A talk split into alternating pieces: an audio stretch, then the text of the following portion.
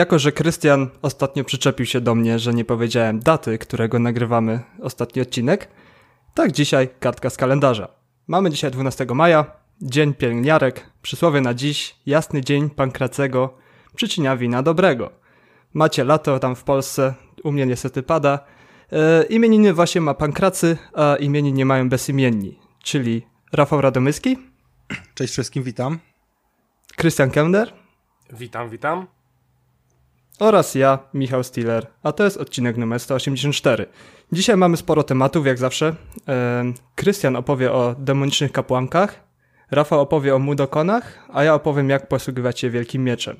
Ale zanim zaczniemy, e, sprawy organizacyjne Patronite. Krystian, Mikrofon należy do ciebie. E, jest, jest, jest, jest, jest. E, dobra, słuchajcie, e, więc e, tak, jak, tak jak mówiliśmy, tak jak zrobiliśmy, tak jak jesteśmy, e, więc tak e, mamy już swoje konto na Patronite, więc zapraszamy, wchodzicie na Patronite, wpisujecie bezimienny albo bezimienny podcast, cokolwiek takiego wyszukiwarca od razu wyświetli nas. No i słuchajcie, przede wszystkim opcja z Patronite'em, no to chyba wiecie mniej więcej o, o co w tym, o, o, o co w tej całej zabawie chodzi. Otóż, no, jak wiemy, robimy sobie to za darmo, dalej będziemy to robić za darmo, e, ale chcemy troszeczkę wziąć ten e, podcast na wyższy poziom, o czym zaraz powiem. E, no i Patronite nam to w jakiś tam sposób umożliwia. Możecie dać tutaj, rzucić nam grosza, to se coin to, to your Witcher, to your podcast i słuchajcie, i możecie po prostu nas minimalnie wspomóc. Możecie dać ile po prostu chcecie, każdy grosz oczywiście się liczy, będzie to dla nas dodatkowa motywacja i tak dalej, i tak dalej, tak jak wszędzie, ale będziemy mieli, mamy też dla dla, dla, was, dla was coś do, zaoferowania. Nie chcieliśmy też, żeby to wyglądało po prostu tak jak wszędzie, że dziękuję, bla, bla, pozdrowienia, bla, bla. Oczy, oczywiście takie rzeczy będą, ale chcemy wejść troszeczkę z tym wszystkim na wyższy poziom. I słuchajcie, jak wejdziecie sobie do, do naszego Patronite'a, to przede wszystkim e, chcemy, żeby ten podcast wszedł na wyższy poziom i m, będziemy wam oferować różne ciekawe rzeczy. E, przede wszystkim naszym, naszymi celami będzie e, zrobienie z tego podcastu, e, polepszenie jakości tego podcastu, więc E, przede wszystkim wiem, że były problemy z odcinkami, wiem, że pisał ktoś tam do mnie na Twitterze już sorry, sorry, ale cię nie pamiętam. E, może jak będziesz płacił, to sobie przypomnę. E, faktem jest, że pisali mi, ludzie się skarżyli, że nie mają tych 20-30 odcinków do tyłu. Oczywiście wszystko jest na stronie bezimienny.pl, ale niestety RRS wyrzuca z serwerów, których ja, za, za które ja powiedzmy nie płacę. E, więc e, wiem, że jak będę płacił, to nie będzie mnie wyrzucało i wiem, że te odcinki będą. I bez problemu na Spotify będziecie mieli 100 odcinków w tył, a nie tylko 30. E, no ale no niestety, ten serwer kosztuje. Ja i tak opłacam domenę i opłacam czasami niektóre jakieś drobne rzeczy, ale tu spowoduje to, że na pewno te odcinki będą. Poza tym, nie wiem czy zauważyliście, ale to podcast, podcast trwa dwie godziny i to był nasz limit. Limit, który po prostu jest, że tak powiem, bezpłatny. W cudzysłowie bezpłatny. I e, dzięki temu, że po prostu e, dojdzie jakaś kwota na stronie, o której oczywiście cele są rozpisane, e, ile nam to, ile, ile nam potrzeba do tego celu, E, spowoduje to, że możemy przekroczyć limit i uważajcie, dzisiaj go przekroczymy. E, ponieważ już Patronite ruszył parę dni wcześniej, E, I teraz po prostu zrobiliśmy go oficjalnie, teraz go będziemy rozprowadzać, teraz go będziemy po prostu wszędzie nagłaśniać. E, no i już od tego e, odcinka możecie zobaczyć, jak to fajnie już będzie wyglądało, ponieważ dzisiejszy odcinek możemy sobie gadać dwie godziny, nie będzie spieszenia na końcu odcinka, że już trzeba kończyć, że, że szybko, szybko. Nie, już tego nie musimy robić i na pewno przez najbliższe trzy miesiące nie będziemy musieli tego robić, bo Patronite działa w ten sposób, że pierwsze wpłaty są na trzy miesiące, a już wiemy, że te, że limit e, cel z limitem dwu, dwu, dwie godziny na odcinek został osiągnięty, w związku z tym przez trzy miesiące nie e, patrzymy na zegarki.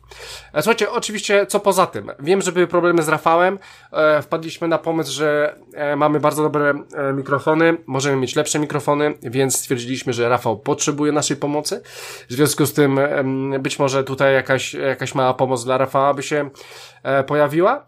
E, słuchajcie, poza tym e, chcę odświeżyć stronę. Bezimienny.pl, jak zobaczycie tą stronę, no wygląda jak psu z dupy, z gardła wyjęte. E, cała opcja polega na tym, że Piotrek, który kiedyś stworzył ten podcast, wszystko to co, to, co tam jest, niestety dał mi to, a ja za bardzo nie wiedziałem what the fuck. Eee, troszeczkę tam popierdoliłem parę rzeczy.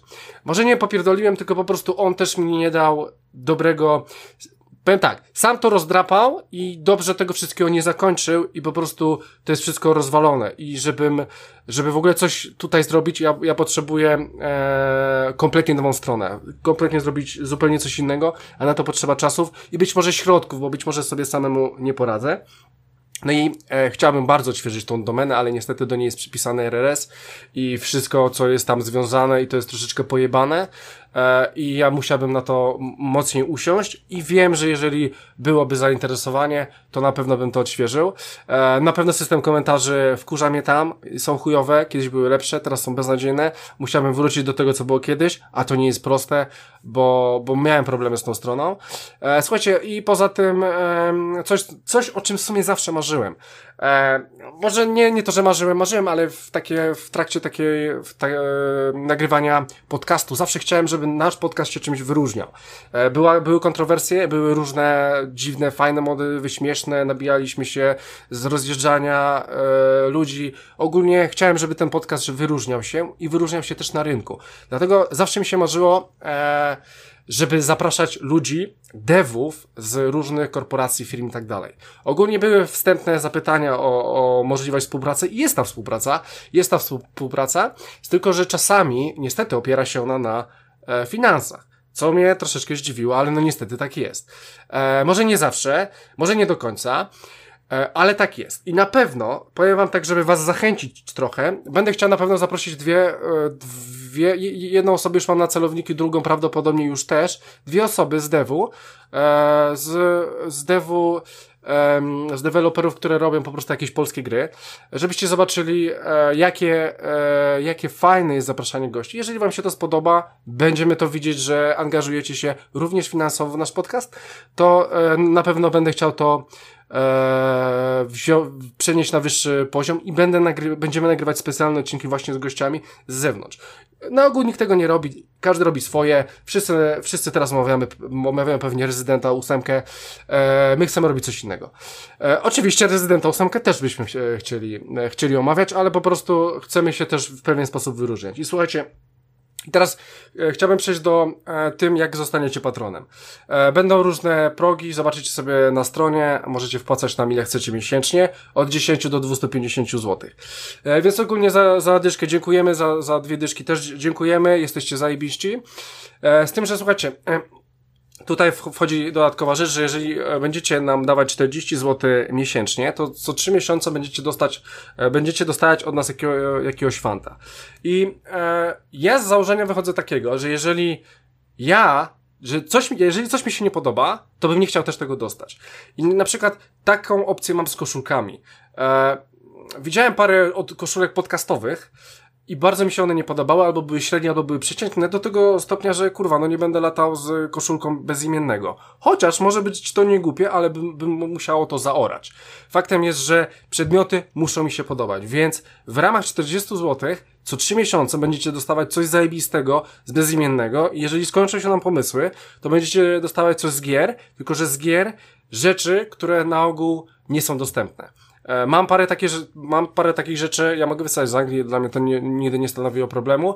E, będziemy to robić, ale najpierw skupiamy się na e, podcaście. Mam parę fajnych kon, koncepcji, które po prostu będę chciał Wam pokazać, podzielić się i ewentualnie dla zainteresowanych zainteresowana osoba dostanie. I słuchajcie, i, i, i opcja z 20 złotymi pozwala, że co pół roku będziemy losować jakąś osobę i ona, ona dostanie po prostu e, jakąś rzecz, e, właśnie tą, którą aktualnie ci z 40 zł e, dostają.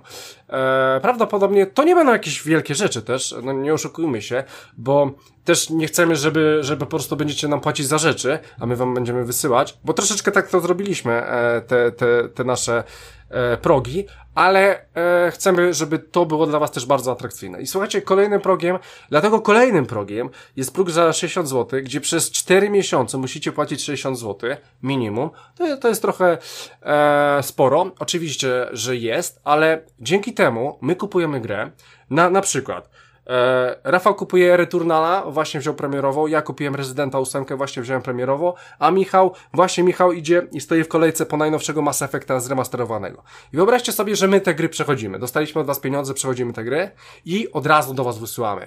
Ja omawiam dzisiaj Rezydenta 8, a jutro idę na pocztę i wysyłam e, os, patro e, e, osobie, która po prostu wspomagła e, ten nasz próg za 60 zł i ona go dostaje do domu dzięki temu, że płaciła właśnie nam te 60 zł miesięcznie. Słuchajcie, chodzi też o to, żebyśmy my poznawali te gry, żebyśmy mogli wam je przedstawić, a wy po prostu czerpiecie z tego największe zyski, więc, więc nie interesuje mnie to, że, że po prostu nie będę miał tej gry. Nie, ja nie muszę mieć tej gry. E, I tak na ogół ja jestem osobą, która, która nie zbiera gier. Michał kupuje często cyfrówki, z Rafałem jest różnie, e, ale po prostu my wysyłamy wam najnowszą grę Retuna 320, oczywiście dopłacamy do tego, później was, wam wysyłamy, więc płacimy za wysyłkę, wy się cieszycie, e, a później robicie z tym, co chcecie. Możecie sprzedać i znowu nas opłacać i, i, i, i kółko się kręci, jest zajebiście. Więc o to, o to też w, mniej więcej w tym chodzi.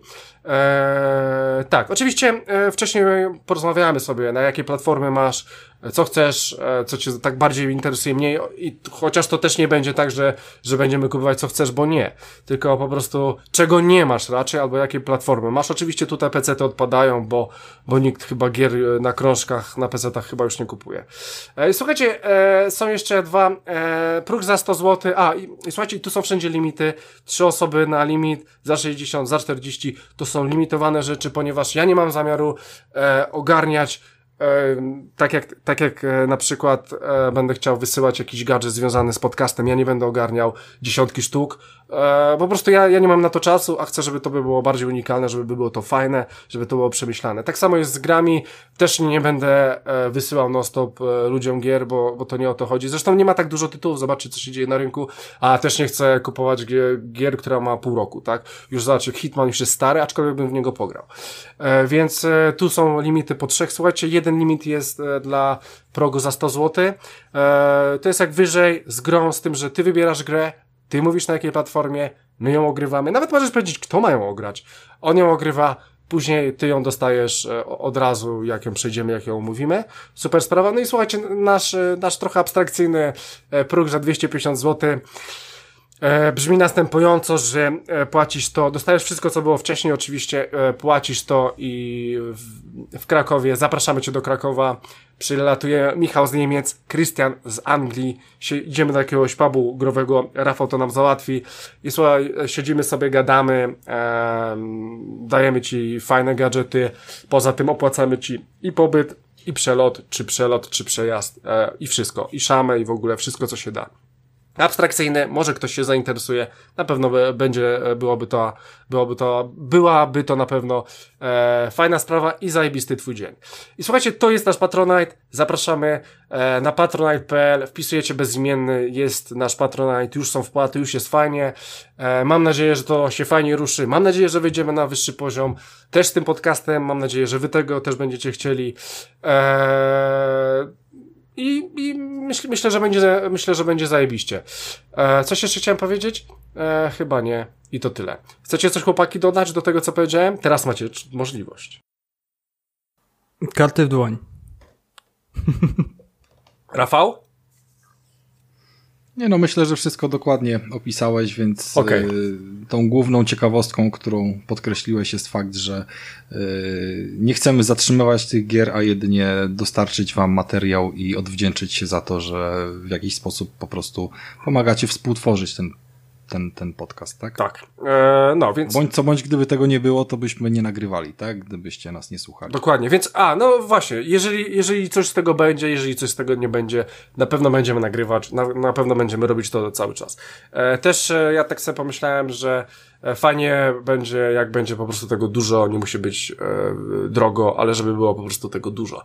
A chcia, chcieliśmy też zrobić to, żebyście wy też mieli korzyści z tego. A myślę, że to są bardzo dobre korzyści, no bo e, za retur, retur, returnala tydzień czy dwa tygodnie po premierze, czy nawet trzy, czy maksymalnie cztery, nie wiem, czy byście mieli za 240 zł, może byście mieli, ale tu macie na pewno, my ogrywamy, dziękujemy, jeszcze, jeszcze robimy, e, no, no, ogólnie wszyscy jesteśmy zadowoleni, więc słuchajcie, bezimienny e, pod, e, podcast, zapraszamy was na Patronite'a, e, super sprawa. E, i to tyle ode mnie. Nigdy nie byłem w Krakowie, więc bardzo chętnie bym się spotkał z jakimś e, fanem z patrona na jedzonku i na piciu z wami. E, jeśli chodzi o wydawanie pieniędzy, to pojawi się coś nowego na Switchu. Tu przejdę już tak, tak bardzo zwinnie do newsów. E, nie wiem, czy widzieliście, nie wiem, czy do was dotarło, chłopaki, ale wychodzi ciekawa aplikacja na Switcha, która będzie kosztowała 36 zł i jest nią kalkulator. Nie wiem, czy widzieliście. Słyszałem o, o tym, słyszałem o tym, tak. Podobno, podobno nie można przejść tej gry. Podobno jest mega hardkorowo, jest tak, bardzo dużo endless, opcji. Endless run, tam nie ma... A, a, a że, wiecie jak na, napisać debil na kalkulatorze? No... Próbowaliśmy już, czy do góry nogami, tak, nie? do góry nogami, no tak. 8... Tak, e, nie, B, B, to jest 0 chyba, czyli... 0, 0 3, 8, 1 i 7. A, Rafał zaspoilerował. Profesjonaliści. Rafał już kupił swoją na, na Switchu, ma już ten... Czy, nie, co myślicie o takim czymś? Czy Switch potrzebuje czegoś takiego jak kalkulator? Nie, ale widocznie ktoś postanowił trochę jakieś ale, kasy na ale... tym zbić, no jakby wiesz. Powiem wam, że ostatnio, właśnie chyba dzisiaj nawet oglądałem jakiś filmik na YouTubie na temat tego, ile gówna jest na Switchu teraz, szczególnie teraz, jak to wszystko się pootw- pootwierało, więc mnie, ja się nawet nie dziwię, że na Switchu będą takie gówna jak kalkulator. I niestety, niestety, ale będzie tego coraz więcej. I te aplikacje są coraz gorsze, chyba 3 czy 4 najgorsze gry na konsolach z zeszłego roku to właśnie jest na Switchu. I to są właśnie takie popierdolone rzeczy. Więc E, no oczywiście głupota to jest zbędne, bo każdy, kto ma Switcha w kieszeni, w drugiej ma pewnie telefon, a w telefonie kalkulator jest za darmo. Wow. Więc nie wiem na chuj to komu. E, no ale cóż, no, no ktoś robi z Powiem więcej, widziałem, widziałem gdzieś informację, że podobno on źle liczy i jakieś tam wy, wywala błędy, jakby nieprawidłowe wyniki. Może no, mi tak mignęło. To musi mieć aktualizację. musisz, aktualizację, musisz mikropłatności dać, żeby, żeby pod, poprawne wyniki. Tak. To no, musisz DLC może, ja, ja, nie wiem, jaki on jest rozbudowany, ale może wiesz, za, za pierwiastki na przykład albo procenty musisz dopłacić, kto wie. -hmm. Tak. Kurwa. Multiplayer pewnie płatny. Znaczy, słuchaj, to, to byłby zajebisty pomysł, za procent. to by się ja sprawdziło. Tylko też y, ka, ka, Casio zjebało, jak robiło te setki kalkulatorów. Kurwa, ja miałem, ja miałem nawet taki. Montowało. Ja miałem taki. I to, to, to no, na maturę słuchaj, chyba. Ja, ja byłem na, ja byłem na Politechnice, więc tam nie dało się bez takiego kalkulatora przeżyć. Mm. No i co by nie mówić, to, to faktycznie, no, opcja cyfrowego potem, mało kalkulatorów jest w sumie tak, wiesz, w telefonach wgranych, które mają te wszystkie opcje, ale, ale mi się podoba, jak jest od razu, wiesz, synchronizowane, oprócz liczenia pierdół, jakby cyferek wszystkich możliwych i tak dalej, to, to jeszcze od razu jakiś przelicznik walut, wiesz, zbierające aktywne kursy i tak dalej, no to, to, to spoko, no tak, to nie? ale spoko. na chuj coś takiego na Switchu, kompletnie tego nie rozumiem. Ja się obawiam, bo Switch ma taki problem, że jak jakaś gra jest w promocji i tam wiecznie są gry w promocji, to pojawia się w zakładce właśnie promocji i cały czas te gry tam wiszą.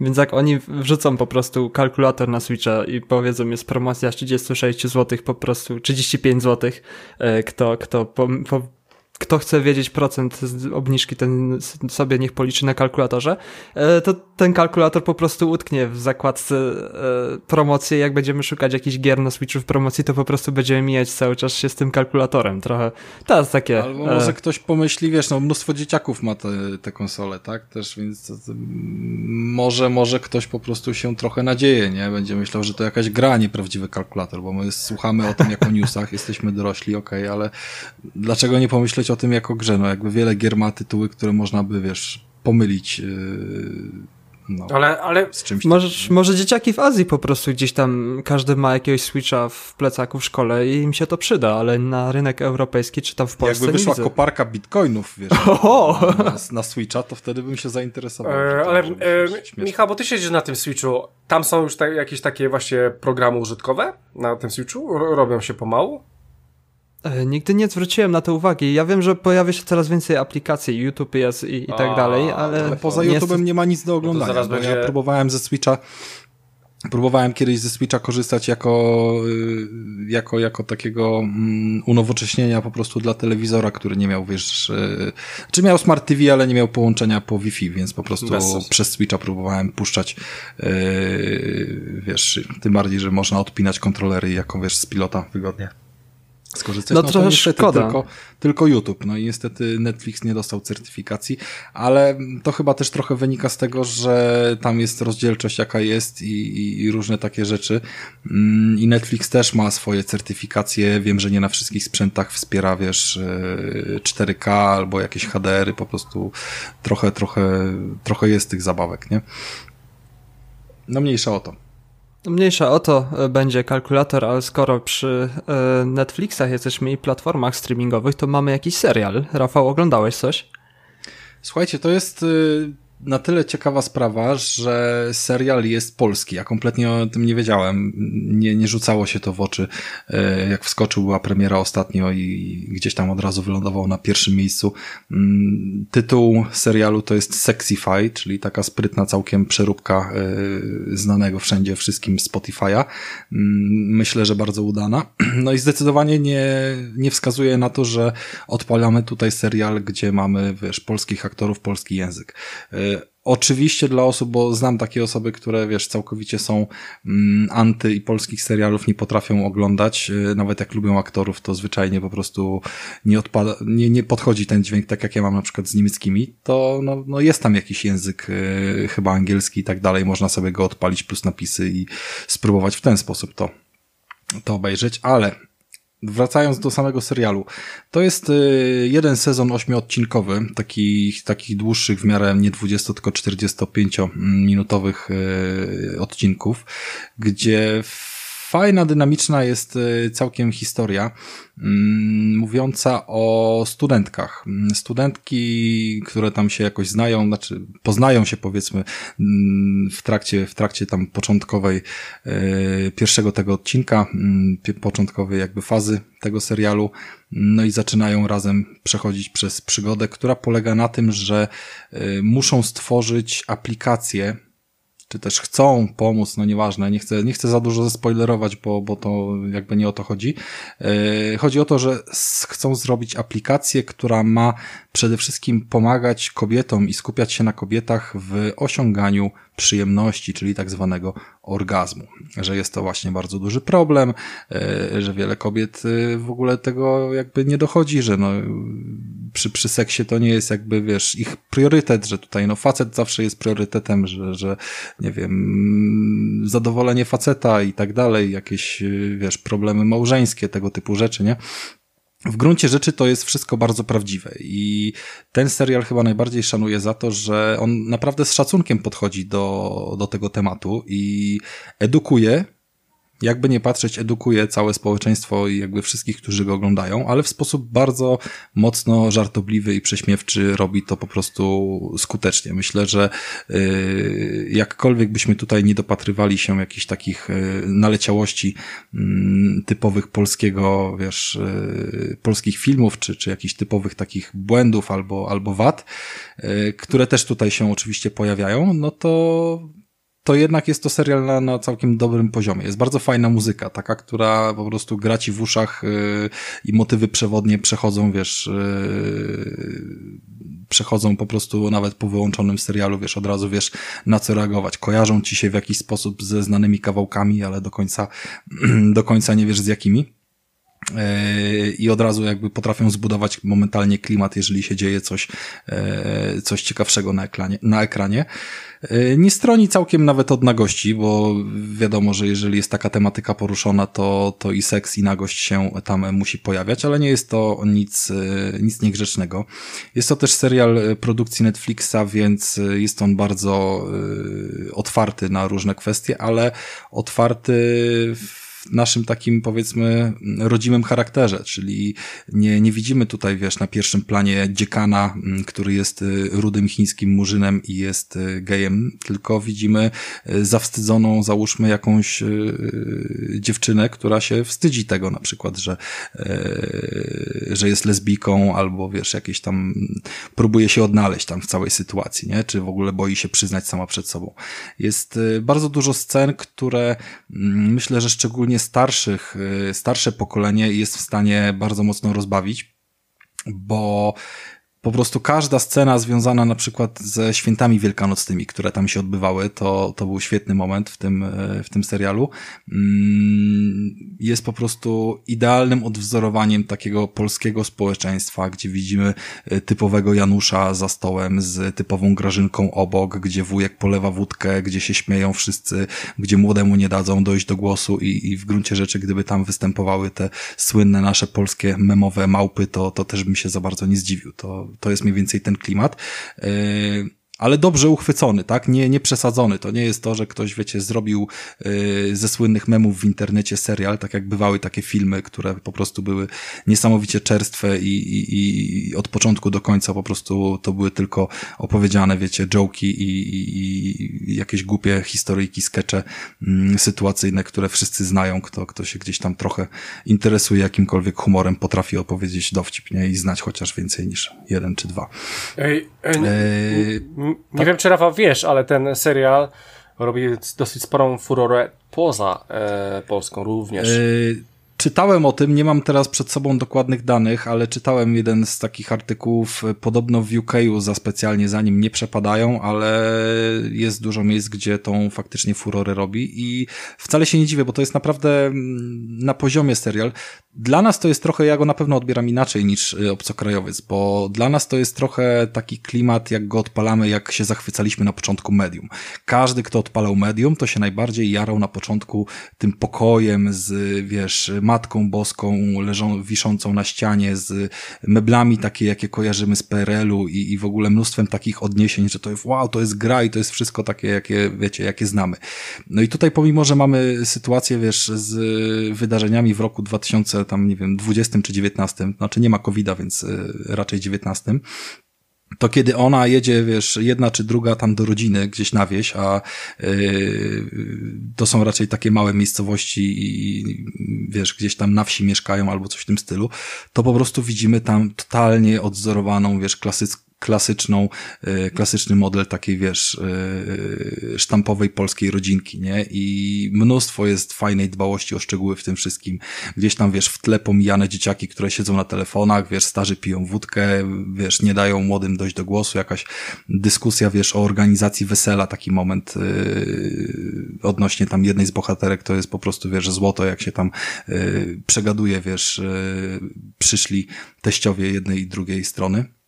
E, a ponadto jest jakby ten serial mocno zdynamizowany takimi e, wstawkami, zależnie od momentu, od sytuacji. One nie są przez cały serial jednolite, mm, ale kojarzycie, nie wiem, czy ktoś z Was oglądał kiedyś Ali McBeal, to jest taki serial e, moich lat młodości, pokolenia, bardzo głośny. Ja, ja, ja oglądałem i nie wiem, czy wiesz, ale podobno mają, ma być nowy sezon byłoby ciekawe, ale no jakby wracając do oryginału, tam był taki charakterystyczny moment y, takiego tańczącego dzieciaka, no, ugaczaka, coś tam tak, śpiewał, nie, był. i tak dalej, kiedy coś tam się działo, wiesz, w czyjejś głowie, tak. nie, tej, tej, wiesz, głównej bohaterki. Y, pojawiają się tutaj podobne sceny i najpiękniej to wyglądało właśnie w momencie, kiedy mm, były ten, był ten okres świąteczny i wszyscy w każdym jakby, w kilku domostwach jakby akcja się działa, a yy, wszyscy w telewizji oglądali jej, wiesz, no nie Kevina sam w domu, tylko jakieś polskie, wiesz, Ogniem i Mieczem albo inne produkcje tego typu, które tam wychodziły. Nawet nie wiem, co zostało zekranizowane, a co nie, ale na pewno tam yy, widzimy Ogniem i Mieczem plus podobne yy, takie odpały.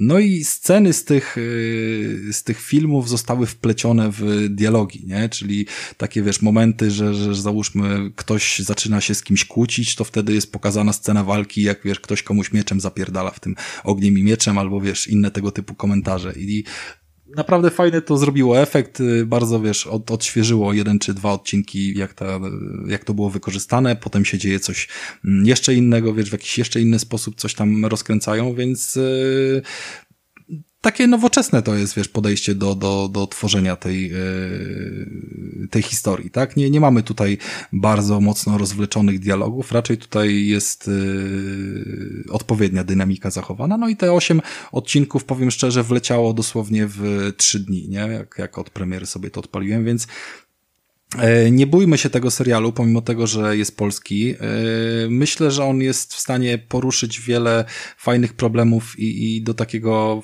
no, podejścia, które dzisiaj powinniśmy jednak stosować w kontekście jakiejś otwartości na sprawy, nawet te, które nas nie dotyczą, bo tu jednak nagrywamy jako y, trzej faceci, ale no, no, no każdy jednak powinien się traktować na równi, tak? I trochę o tej równości tutaj jest, jest mowy, no ale po drodze mamy mnóstwo jakby jeszcze żartów i, i zabawy, więc Sexify jak najbardziej polecam yy, z odpowiednim dystansem, ale, ale go sobie odpalcie. Czy są jakieś znane twarze w tym? Jakiś Karolek czy coś? Mamy Pazurę, więc o. Pazura jest najbardziej znaną twarzą. Jeżeli chodzi o trzy główne bohaterki, to gdzieś tam one się przewijały. Były w niektórych y, serialach, y, czy tam jakichś polskich filmach. Y, w sumie każdą z, zgooglowałem na Filmwebie, bo, bo gdzieś mi tam coś interesowało albo coś kojarzyło, ale za specjalnie one nie, nie miały żadnych mocniejszych ról. Przynajmniej, wiesz, ja też nie oglądam żadnych polskich serialów praktycznie, nic tam TVN-u, telewizji, więc jeżeli którakolwiek z nich była nawet w jakiejś takiej produkcji, to ja nic o tym nie wiem. Raczej to były jakieś, wiesz, mocno drugoplanowe role w y, kilku filmach, może gdzieś tam któraś wystąpiła, wiesz, u, mm, w którymś z filmów y, naszego kochanego y, Patryka, Patryka Wege, nie? I tak dalej, dokładnie, Papryk Wege. Natomiast y, chyba tak było, chyba jedna gdzieś tam była jakąś dziwką. Natomiast y, poza tym to, to, to wielkiego szału nie ma.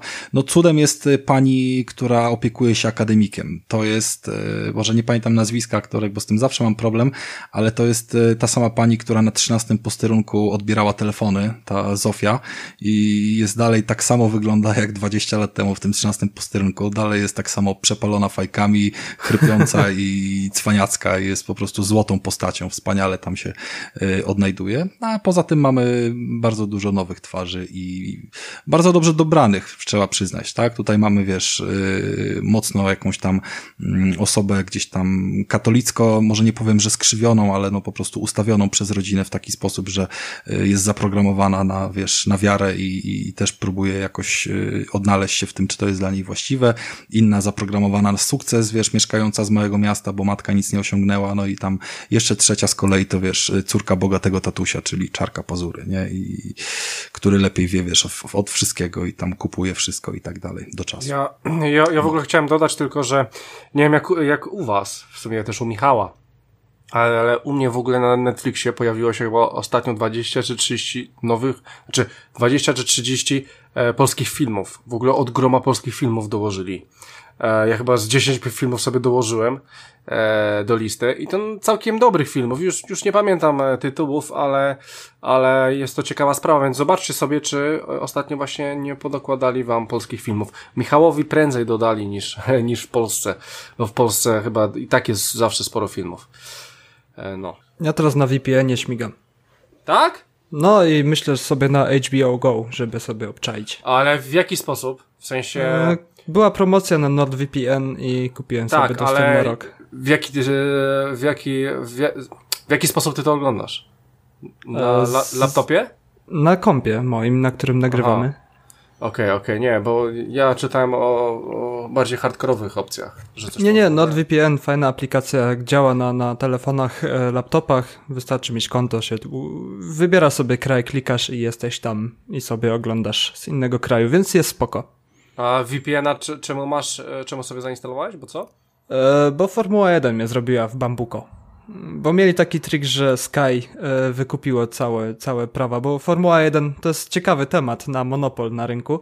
E, to teraz Formuła w 1 się zmieniają prawa, nie wiem czy wiesz. A tak, tak, to było też niedawno, że Eleven traci i, też, i też grubo. jakaś... Ktoś tam, jakaś e, strona kupiła, tak? Znaczy to w ogóle będzie streamowane w Polsce teraz Formuła 1. Nie no będzie tego tak. w telewizji. No ale w sumie Formuła 1 ma swój, swoją te telewizję, w F1 TV Pro, że wchodzisz sobie, po prostu płacisz abonament na rok, na cały sezon i oglądasz sobie Formułę 1 prosto od formuły, czyli od, od dostawcy. No dokładnie. Kamerę z, z, ze stopy Hamiltona możesz sobie oglądać, jak on tam naciska gaz. Nie no, bez przesady, ale możesz sobie kokpity oglądać i wszystko działa przez taką oficjalną aplikację no. F1 i Sky na taki sposób wykupiło, e, wykupiło prawa do Formuły 1 tutaj w Niemczech, że jedynie na Sky się pojawia 17 euro za, za miesiąc sobie wołają i Niemcy rozkładają ręce, bo zawsze Formuła w Niemczech była na darmowym programie RTL, czyli, czyli no po prostu w telewizji otwartej i Niemcy nagle o, Sky, o. Sky rozjebał cały, całe Formułę 1. To długo mieli to za darmo. Chociaż nie, no u nas. E, jak było w Polsce? W Polsce na Elevenie? Nie, chyba tak. E, jak był Kubica, to był na Polsacie, było. Mm, a później na Elevena przeszło. Jak był gdzieś tam powrót Kubicy, to Eleven wykupił prawa i te prawa gdzieś tam e, trwają aż do no, dzisiaj. Ale, ale to no jest, i już się to kończy. jest prywatny kanał też, nie? Za niego trzeba mm -hmm. zapłacić dodatkowo. No i, i tak się skończyło, że po prostu jak chciałem sobie kupić na F1 TV Pro abonament przed sezonem, to wyświetliło mi e, kraj, Aha, z którego kupuję, że jest niedostępny. Tak, może, tak, tak. I to jest jedyny chyba, jeden z nielicznych krajów, gdzie jest po prostu F1 TV zablokowany przez prawa autorskie wykupione przez Sky. A, Więc... a, nie, lepiej, a nie lepiej sobie inaczej to zrobić, e, Michał? Mm. A to może po, po, po odcinku ci powiem, co może Po odcinku sobie pogadamy o tym. No dobra.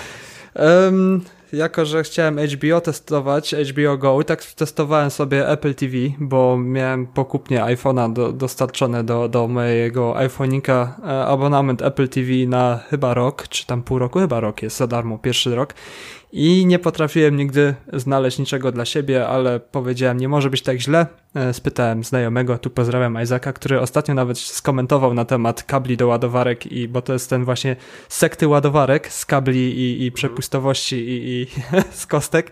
E, polecił mi serial Mythic Quest, na Apple TV. E, serial produkcji Apple'a mm, opowiada o tematach właśnie zbliżonym temu podcastowi, bo opowiada o studiu deweloperskim, jeśli o gry chodzi. I stu e, studio produkuje właśnie grę Mythic Quest, które jest MMORPG i e, pokazuje mniej więcej, to jest sitcom, czyli, czyli komedia amerykańska. Nie każdy lubi amerykańskie sitcomy, bo się chyba albo kocha, albo nienawidzi.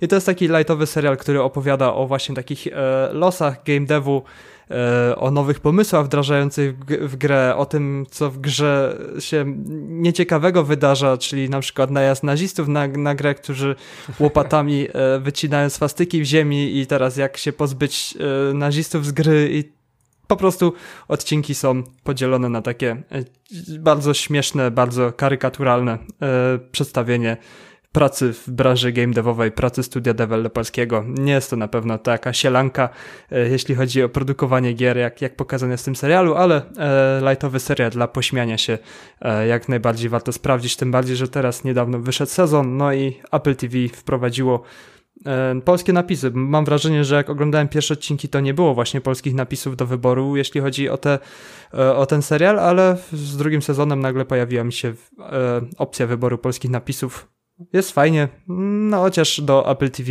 nie potrafię się przekonać, nie widzę tam nic z produkcji Apple'a, które by dla mnie bardziej przemawiało, to jednak wolę już, już Disney Plus, Netflix, czy może przetestuję te HBO Go, bo tam są naprawdę pozycje, które by mnie zainteresowały. E, ja mam dla Ciebie jeszcze, Michał, pytanie, żeby e, e, Apple TV oglądać. E, to ja potrzebuję iPhone'a albo coś takiego. Czy ja mogę sobie to oglądać zupełnie, nie wiem, na telewizorze? Jest w ogóle Możesz... jakaś apka na smartfonach? Yy, oczywiście, że są apki. To znaczy, nie wiem, czy masz aplikację na Androidzie, ale na telewizorach, Xboxach, PlayStationach i, i na kompie masz oczywiście Apple TV i mi się wydaje, że to jest tylko kwestia założenia konta Apple ID yy, i zapłacenia chyba yy, jakiejś tam kwoty. Apple TV ma jakąś znośną cenę, ale Naprawdę, ja nie widzę w Apple TV nic ciekawego nic. dla siebie, jeśli chodzi o... Nic. Nie potrafię się przełamać. No dobra, no. Okej. Okay. E, tyle z seriali, z filmów, chyba już nic więcej nie mamy, więc przejdziemy do tego, z czego nas podcast słynie, czyli z gier. Krystian, zaintrygowałeś mnie tytułem e, Sukubus, nie znałem dobra. tego wcześniej. Więc, więc, teraz tak. No, no, no, dobra, no. Więc e, powiedz mi, o co chodzi z tymi e, cyckami tam i wszystkim, A, co się tam przewija. E, powiem wam, że e, sam nie byłem do końca e, pewien o co chodzi, aż w pewnym momencie zobaczyłem jedną scenę i powiedziałem, o kurwa, o kurwa. I zastanawiałem się, czy nie powinienem już wyłączyć tej gry. E, dobra, więc słuchajcie, o co chodzi? Wciel się w rolę demonicznej kapła kapłanki pożądania. i użyj jej unikalnych umiejętności, by zemścić się na swoich wrogach. Słuchajcie, gra nazywa się Succubus. E, wrzucałem na grupę e, zwiastun jakiś tam. E, słuchajcie, mm, no i co? No i mamy e, Succubus, to, e, to dobra, no mamy tą demoniczną kapłankę, tak? E, słuchajcie, gra zaczyna się w sytuacji, w której po prostu ona gdzieś tam chodzi po skałach, w, to wygląda jak jakaś Sodoma i Gomora, jakieś piekło, e, czerwono wszędzie, te klimaty. E, I słuchajcie, i ona jest właśnie taką kapłanką demoniczną, jest cała goła, ma ogon. E, I zamiast nóg ma kopyta. To jest, to jest w ogóle mindfuck. E, no i słuchajcie, gra polega na tym, I że. rogi prostu... chyba jeszcze powinna mieć, tak się tylko wtrącę, ale sukuby rogi... bardzo fajne. Ma chyba te rogi. Nie jestem Jakbyś też grał w Wiedźmina, to by Sukubus nie był dla ciebie tajemnicą. Nie, nie, nie. No, no widzisz. No, yy, nie wiem, czy ma, czy może później będzie miała. Nie pamiętam, Rafał. Um, no ale załóżmy, że, że, że ma czy Znaczy to, to akurat nie jest ważne. I słuchajcie, e, o co chcę powiedzieć. Gra jest e, z perspektywy pierwszej osoby, więc mamy e, perspektywę jakiegoś duma, w której zamiast broni, zamiast pistoletu widzicie jakąś tam broń białą. Albo zaczyna się z dwoma sztyletami, później widziałem, że jest topór, później jest jakiś większy, większy miecz bodajże.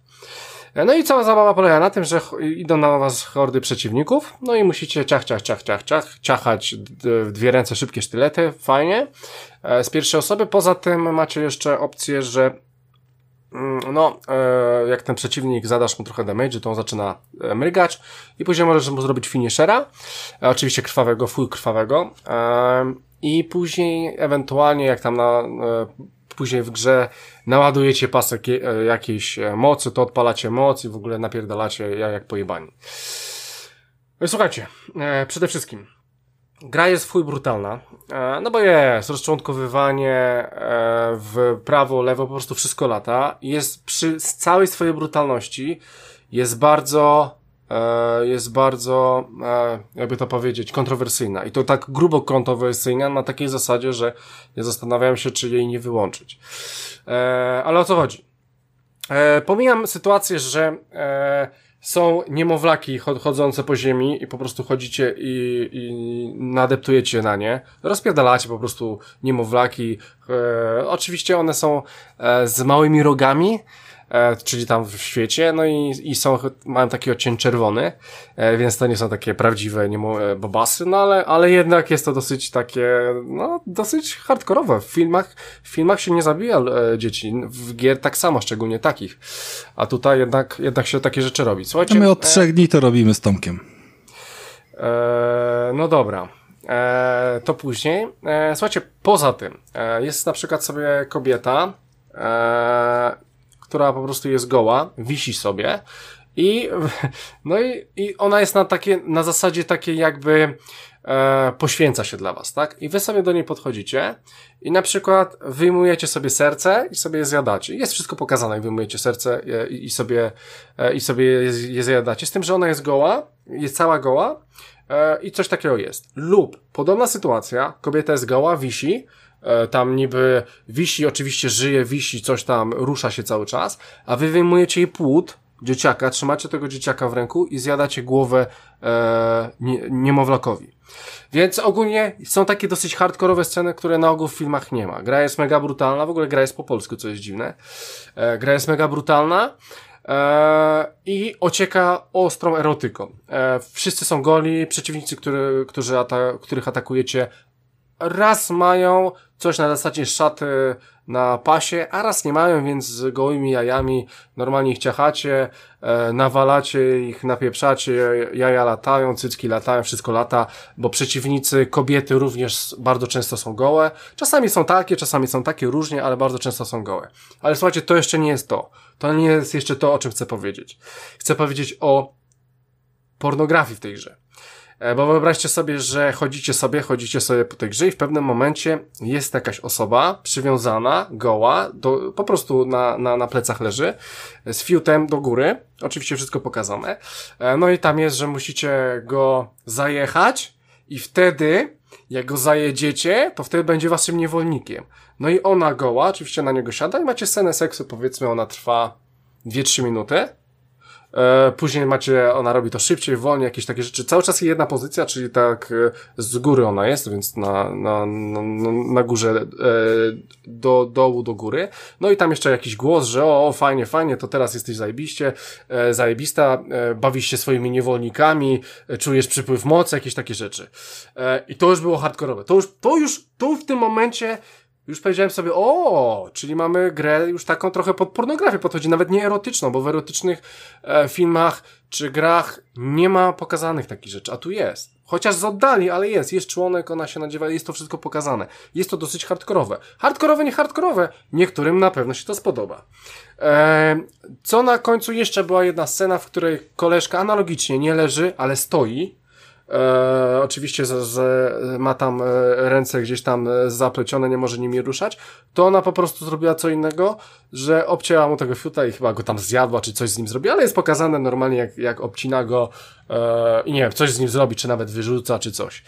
E, słuchajcie, to było tylko demo, grałem w to, nie wiem, 45 minut, bo tyle to demo ma, gra wychodzi 7, nie, wróć, 7 to wychodzi 21 lipca, więc niedługo jest mega kontrowersyjna, nie grałem nigdy w nic takiego, jest, e, no tak mówię, podchodzi pod pornografię, może to się nawet niektórym spodobać. E, jeżeli lubicie tego typu rzeczy, to sobie sprawdźcie. Jest oczywiście tylko na e, kompie, jest na Steamie, e, możecie sobie ze Steama pobrać demo. Wrzucałem na grupę Sucubus e, przez 2C. E, no nie wiem, polecam, nie polecam. Zobaczcie sobie, na pewno jest to coś jak masz, Krystian, tyle no. wątpliwości, no. to możesz e, zaprosić tych devów, bo to są chłopaki Polaki, które, wiesz, zrobili tą, tą, to piękne cudo, nie? Które cię no tak zachwyciło. E, Dlatego jest ma... język polski. Yy, ma, no. Ale to by, to, to by miał odcinek, powiem ci. O kurde, to by, to, to by się to klikało. Odcinek. Słuchajcie, to by się klikało. Ja, ja wam powiem tak. Ciekawe, tak. Yy, uważam, że to nie jest nic tragicznego i złego, nawet jeżeli mhm. hardkorowe są takie odpalane sceny. Wiadomo, że to nie trafi nigdy na konsolę, bo, bo konsole mają y, trochę inne progi dostępności, e, poczekaj. certyfikacji tytułów. To, tak, to, to, y... poczekaj, poczekaj, poczekaj Rafa, bo będziesz ten. Jest opcja, że można łączyć cenzurę, więc te wszystkie fiutki są w kwadracikach. No, oczywiście, że tak. No jakby, wiesz... Y... Mówiąc krótko, Cyberpunk, który wyszedł ostatnio, mm, niby miał cenzurę tak? Główny bohater chodził zawsze w e, majtkach, pomimo, że tych majtek e, formalnie też mogło nie być, szczególnie przez bugi na początku i miałem tak e, kilka razy. Nawet w endgame'ie mam szereg screenów zrobionych, że po prostu postać mi się zespawnowała bez bielizny, czyli po zdjęciu odzieży wierzchniej było tam, wiesz, wszystko widać. Mm, były też sceny seksu i to były o wiele jakby dokładniejsze wielokrotnie i więcej pokazujące sceny seksu niż e, te, które chociażby możemy znać, kojarzyć z Wiedźmina Trójki. Więc też e, było na co popatrzeć. No a modele były powiedzmy, że full dopasowane w zakresie różnych, e, różnych tam stref, e, więc było widać i jedne i drugie, wiesz, jednej płci, drugiej płci, wszystkie tam mm, fragmenty. Tym bardziej, że no przecież postać mogła być dowolnie skonstruowana i mieć tego penisa, bądź go nie mieć i tak dalej, i tak dalej. Więc mm, nie powinno to aż tak szokować bo jeżeli chodzi o najróżniejsze możliwości związane z e, zadawaniem bólu, mordowania i tak dalej, to, to tego jest mnóstwo. No jakby, dobra, raz to dotyczy potworów, inny raz to nie dotyczy potworów, tak?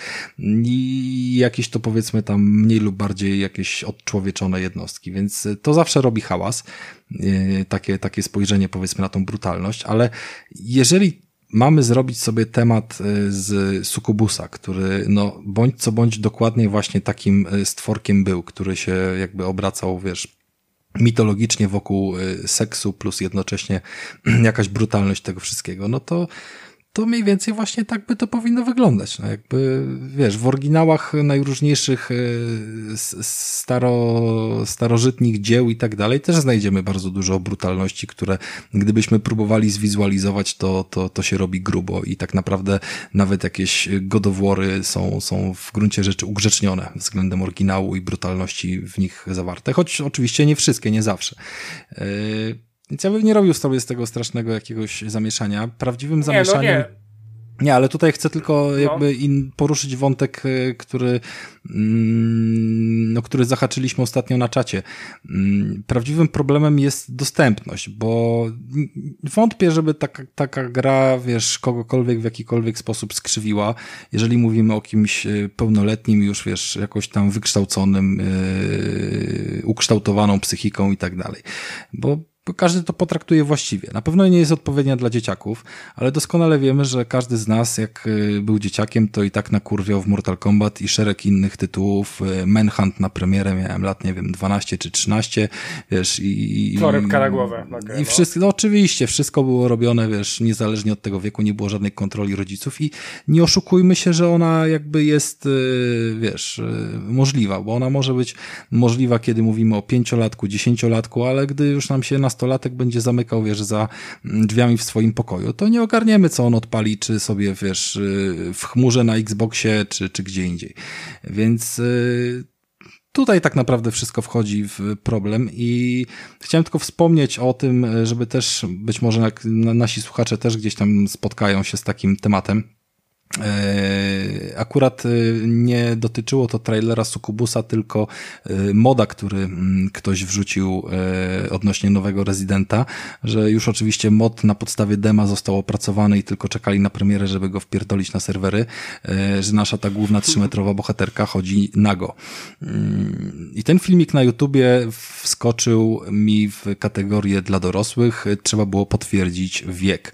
I Wiek y, potwierdzić musiałem kartą kredytową bądź wysyłką dowodu osobistego na serwery Google, więc yy, inaczej się nie dało tego obejrzeć. Jakby YouTube musiał zweryfikować mój wiek w sposób inny niż yy, potwierdź, czy na pewno masz 18 lat i wejdź na PornTube albo gdziekolwiek indziej. Yy, jakieś nastąpiły zmiany przepisów. Yy, Michał też coś o tym mówił, że, że, że u niego w Niemczech jakby jest głośno o tej zmianie i pojawiły się jakieś narzekania. I w gruncie rzeczy, jeżeli tylko to zostanie wcześniej czy później przeniesione, wiesz, na tego Steama i tak dalej, że, że, że z Kubusa, wiesz, nie ściągnie żaden, wiesz, e, dwunastolatek, bo tam są cycki i zabijanie, więc będzie na pewno fajnie, to myślę, że nic, niczego złego, wiesz, taka gra nie wyrządzi, no jakby umówmy się. Tak, Rafale, tylko ja byłem zdziwiony sceną seksu. Naprawdę, bo takie nie widziałem. To nie jest za, to nie jest, że nie wiem, są pod prześcieradem czy coś. Tam masz normalnie pokazane normalna scena seksu. Yy, znaczy, okej, okay, Krystian, ja, ja to... tego nie widziałem. No okay. nie grałem w takie gry, wiesz, nie grałem w gry w stricte takie. To jest gra o zabijaniu i jest e, z grubymi sek e, scenami seksu. Nie wiem, co będzie w pełnej wersji, ale czegoś takiego nie widziałem, Rafał. No, no okej, okay, dobra, no jakby nie patrzeć, wiesz, mówimy o, o grze oficjalnej, oryginalnej, tak? Ale nie robi tak, to na mnie tak. wielkiego, mm, no tak, mimo no, wszystko wrażenia.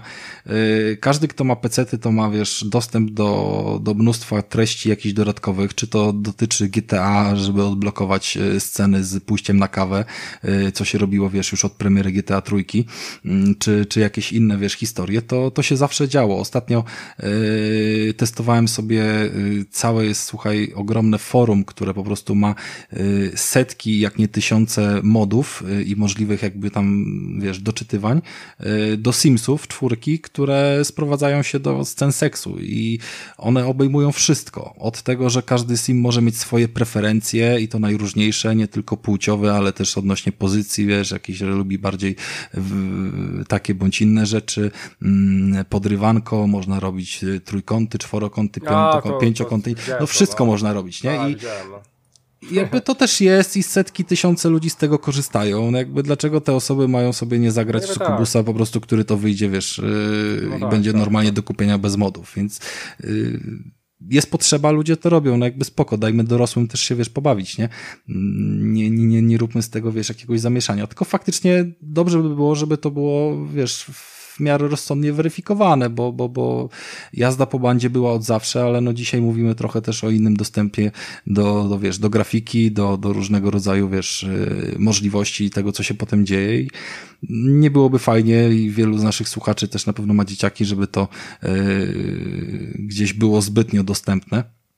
E, zbyt łatwo dostępne, więc mnie cieszy nawet, że takie trailery na YouTubie będą poblokowane, bo to już samo w sobie będzie, wiesz, e, jakimś, e, jaką, jakimś problemem, tak? Tylko zakładam, że jak nie, nie blokada regionalna, w sensie związana z tym, z tym wysyłaniem dowodu na, wiecie, na obejrzenie jakiegoś filmu dla osiemnastolatków, to tak jak Michał pewnie VPN-a strzeli, wiesz, na, na na jakiś kraj, w którym nie ma prawa z Unii Europejskiej i, i cyknie sobie bez problemu ten film bez żadnego dowodu, nie? Więc jakby rozwiązań zawsze jest mnóstwo przy, przy informatyce i komputerach. No. No, no dobra, ja tylko chciałem tyle o tej grze, że kto chce, niech zobaczy. E, no. Sprawdzę sobie demo, bo. Jest bo ciekawa, jest ciekawa. Na pewno, naprawdę wiesz. jest ciekawa. Znaczy, a, jeżeli chodzi o sam gameplay, to. No właśnie. ile, ile gry jest w grze? Powiem wam, że gra jest na razie średnia, ze względu na to, że walczy się bardzo często z tymi samymi przeciwnikami. No i, i demo jest jednak za krótkie, żeby powiedzieć, jak to daleko może rozwinąć skrzydła, aczkolwiek e, rewelacji bym tutaj nie oczekiwał.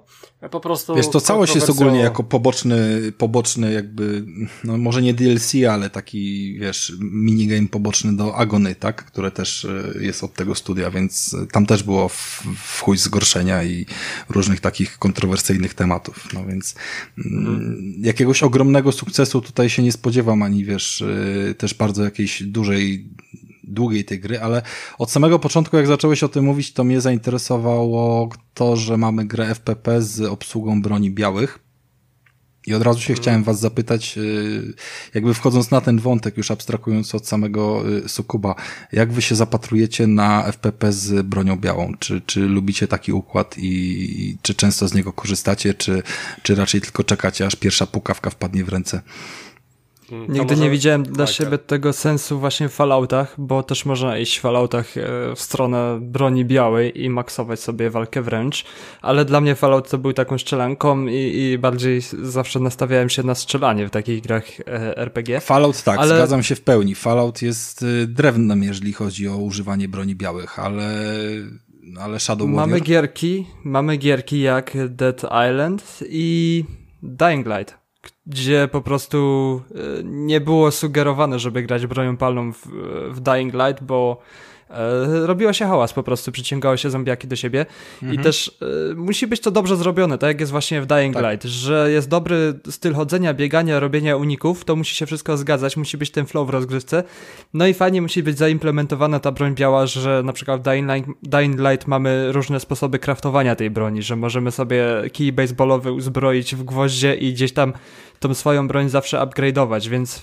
taki to zależy od gry, w jaki sposób jest to zaimplementowane, bo to musi, to musi banglać. Właśnie drewniane Fallout nie, nie przyciąga do, do grania nie, no, właśnie bronią W Falloutie nawet, wiesz, nie miałeś żadnych możliwości ruchu specjalnych poza standardowym chodzeniem i bieganiem, jakby.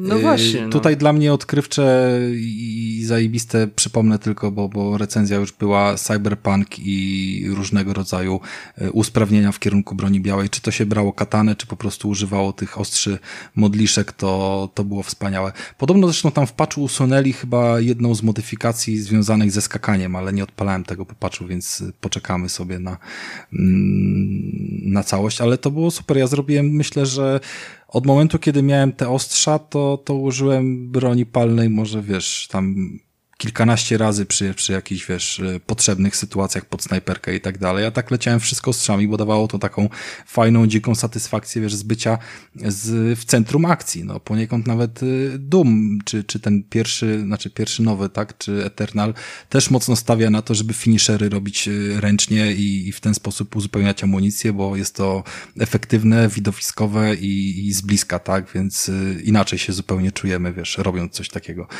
Więc w Sukubusie też od razu jakby mi to się uruchomiło, że, że jak dobrze to podkręcą, to może być fajna dynamika. A w Shadow Warrior nie grałem w sumie. Shadow Warrior z kolei bardzo mocno y, stawia na łączenie, wiesz. Y, dwie części są fajne, trzecią robią, jest, jest dużo humoru, dużo dynamiki i katana jest nieodłącznym elementem, ale razem w zestawie z jakąś strzelaną bronią i, i to po prostu się dobrze, y, dobrze łączy. Ale też jest jakby FPP plus dynamika, skakanie w ślizgi, więc właśnie to jest jeden z tych dynamiczniejszych tytułów. Polecam w takim razie, jak nie, nie odpalałeś. Yy, ja w ogóle, bo może ja odpowiem na, na pytanie z tymi broniami białymi. No. Słuchajcie, e, fajne gry są. Kiedyś grałem. Pierwsza e, Prince of Persia, która wyszła w 3D, e, miała sześć przycisków do walki bronią białą. E, tam były jakieś, nie wiem, górne ataki lewo, górne prawo, dolne lewo, dolne prawo, blok i chyba odskoczenie. Zajebiście się w to grało, bo, bo po prostu jeden przeciwnik i możesz zginąć przy samej walce. I walce, takiej dosyć skillowej, to było zajebiste. E, drugą zajebistą grą, w którą grałem... Ale Krystian, ale przecież Prince of Persia nie był w FPP. My mówimy o widoku z pierwszej osoby. A... ale ty, Rafał, nie wiesz, o którym ja Prince of Persia mówię. No właśnie, może, może mnie popraw, bo Prince of Persia, wszystkie te piaski A, czasu i tak pamiętam, dalej. Nie pamiętam, były... nie, nie, nie, jeszcze wcześniej, wcześniej, wcześniej. Wcześniej, wcześniej, ja pamiętam do CD Actionów, e, dodawali tą Prince of Persia i ja w nią grałem. Okej, okay, czyli e, tam był jeszcze jakiś starszy z widokiem z pierwszej osoby, starszy. to ja sobie e, poszukam. Nie mam tego. pojęcia. E, zaraz to sprawdzę. Dobra, z pierwszej osoby to nie. Ja już googluję, bo, spoko. E, z pierwszej osoby to nie, bardziej mi chodziło o, o e, zabawa bronią białą. Dobra, e, no nieważne. E, to, to w takim razie nie wiem. To, to, to, to nie mam takich doświadczeń, bo nawet gdybym powiedział tej e, For Honor, tak, ale tam też chyba nie jest. E, nie, nie jest za pleców. No, za pleców, to nie. To faktycznie, mało jest takich gier, w której jest dobrze zrobiona ta mechanika. A czy Ghost Runnera coś nie dotykałeś, nie grałeś? G grałem. W Ghost Warriora. Nie, Go, Ghost Warrior czy Ghost Runner? To cyberpunkowe, co wyszło. A, to nie, nie. E, Ghost Runner. Nie, nie, nie, nie, aczkolwiek bardzo bym chciał zagrać. no tam to tam też jest katana chyba tak dosyć mocno wystawiona na pierwszy wybór, nie? No, w, w teorii tak, ale jak to, to dalej wygląda, to, to nie mam pojęcia. A, w, w tym, w, w Superhocie, na VR miałeś przecież to. No właśnie Superhot też jest takim, takim tematem. Tak. To jest, to, to Skyrim.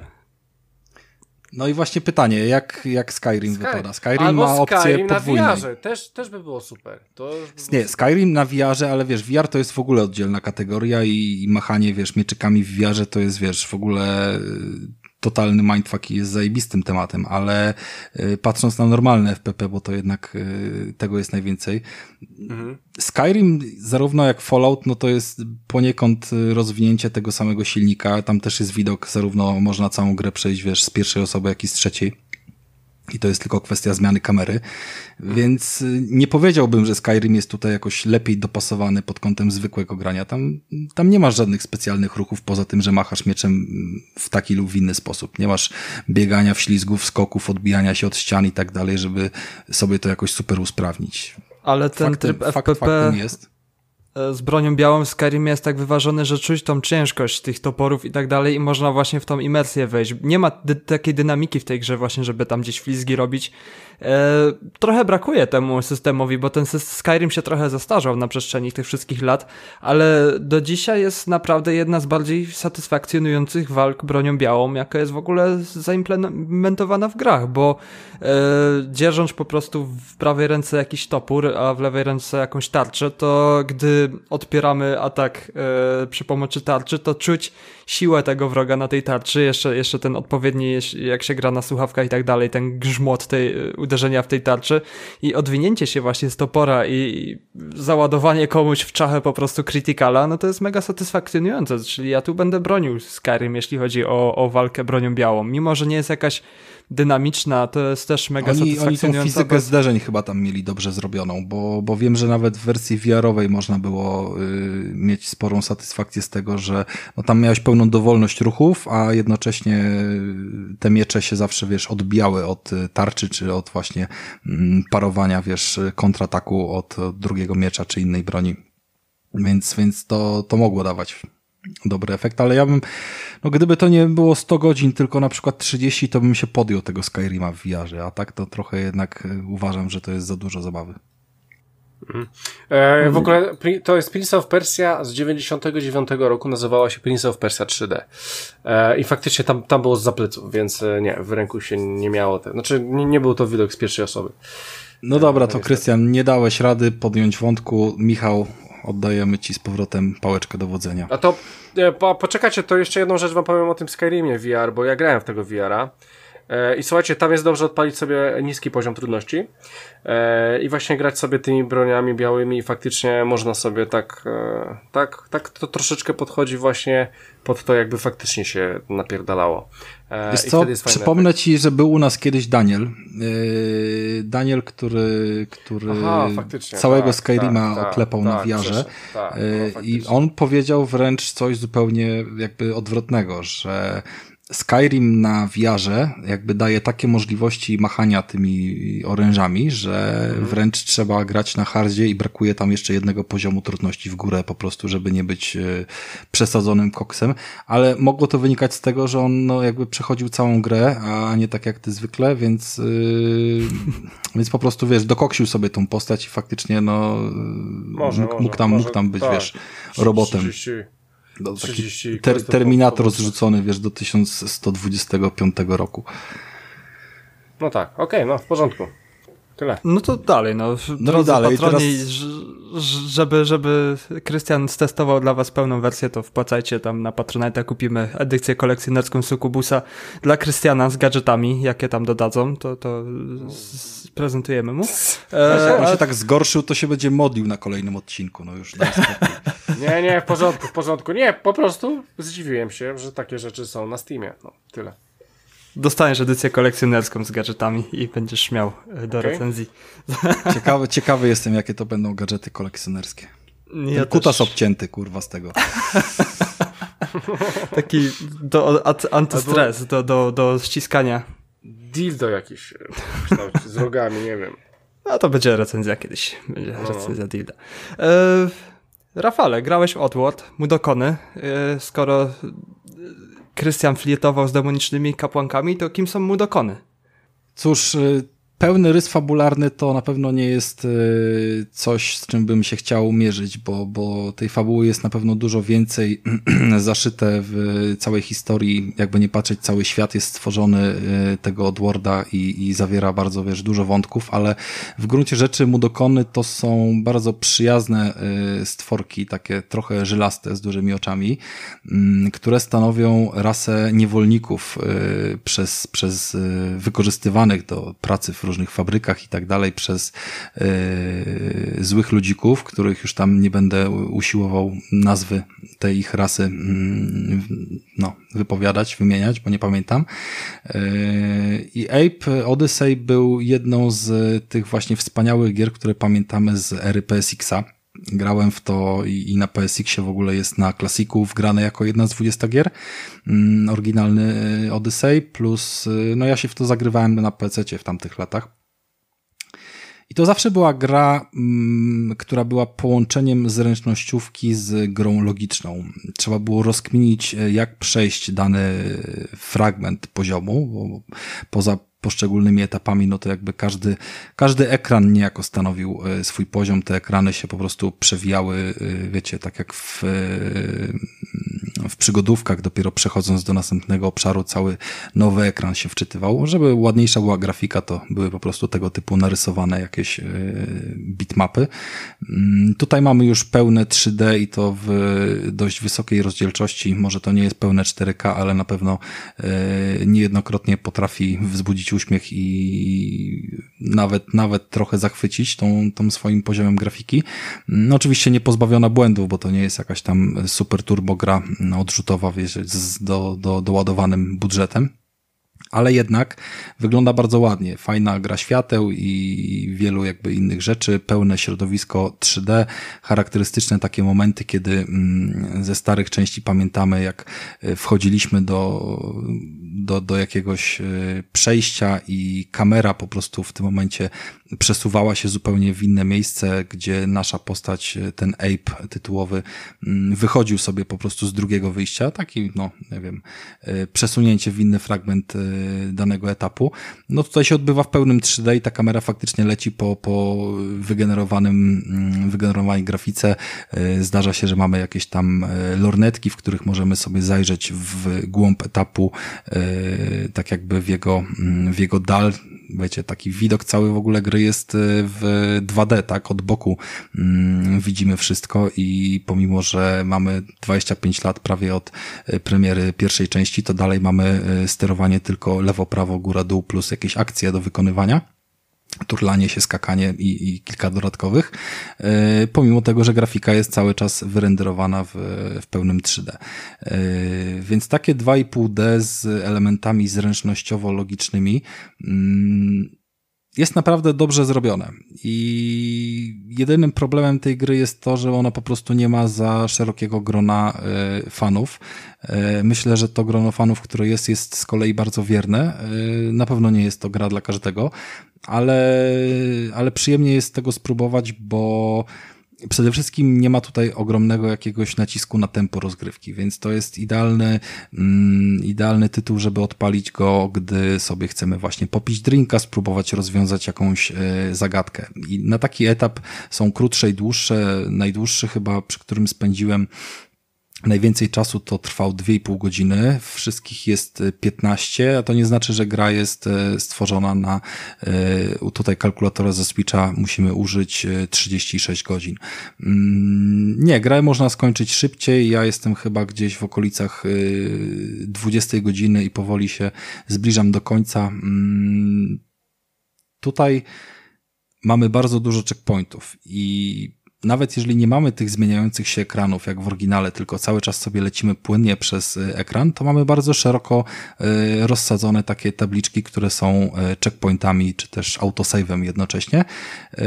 I po prostu, kiedy rozwiążemy jakąś trudność na naszej trasie, to za chwilę mamy kolejny checkpoint kolejnego autosave'a, więc to jest bardzo mocno mm, skojarzone właśnie z platformówką.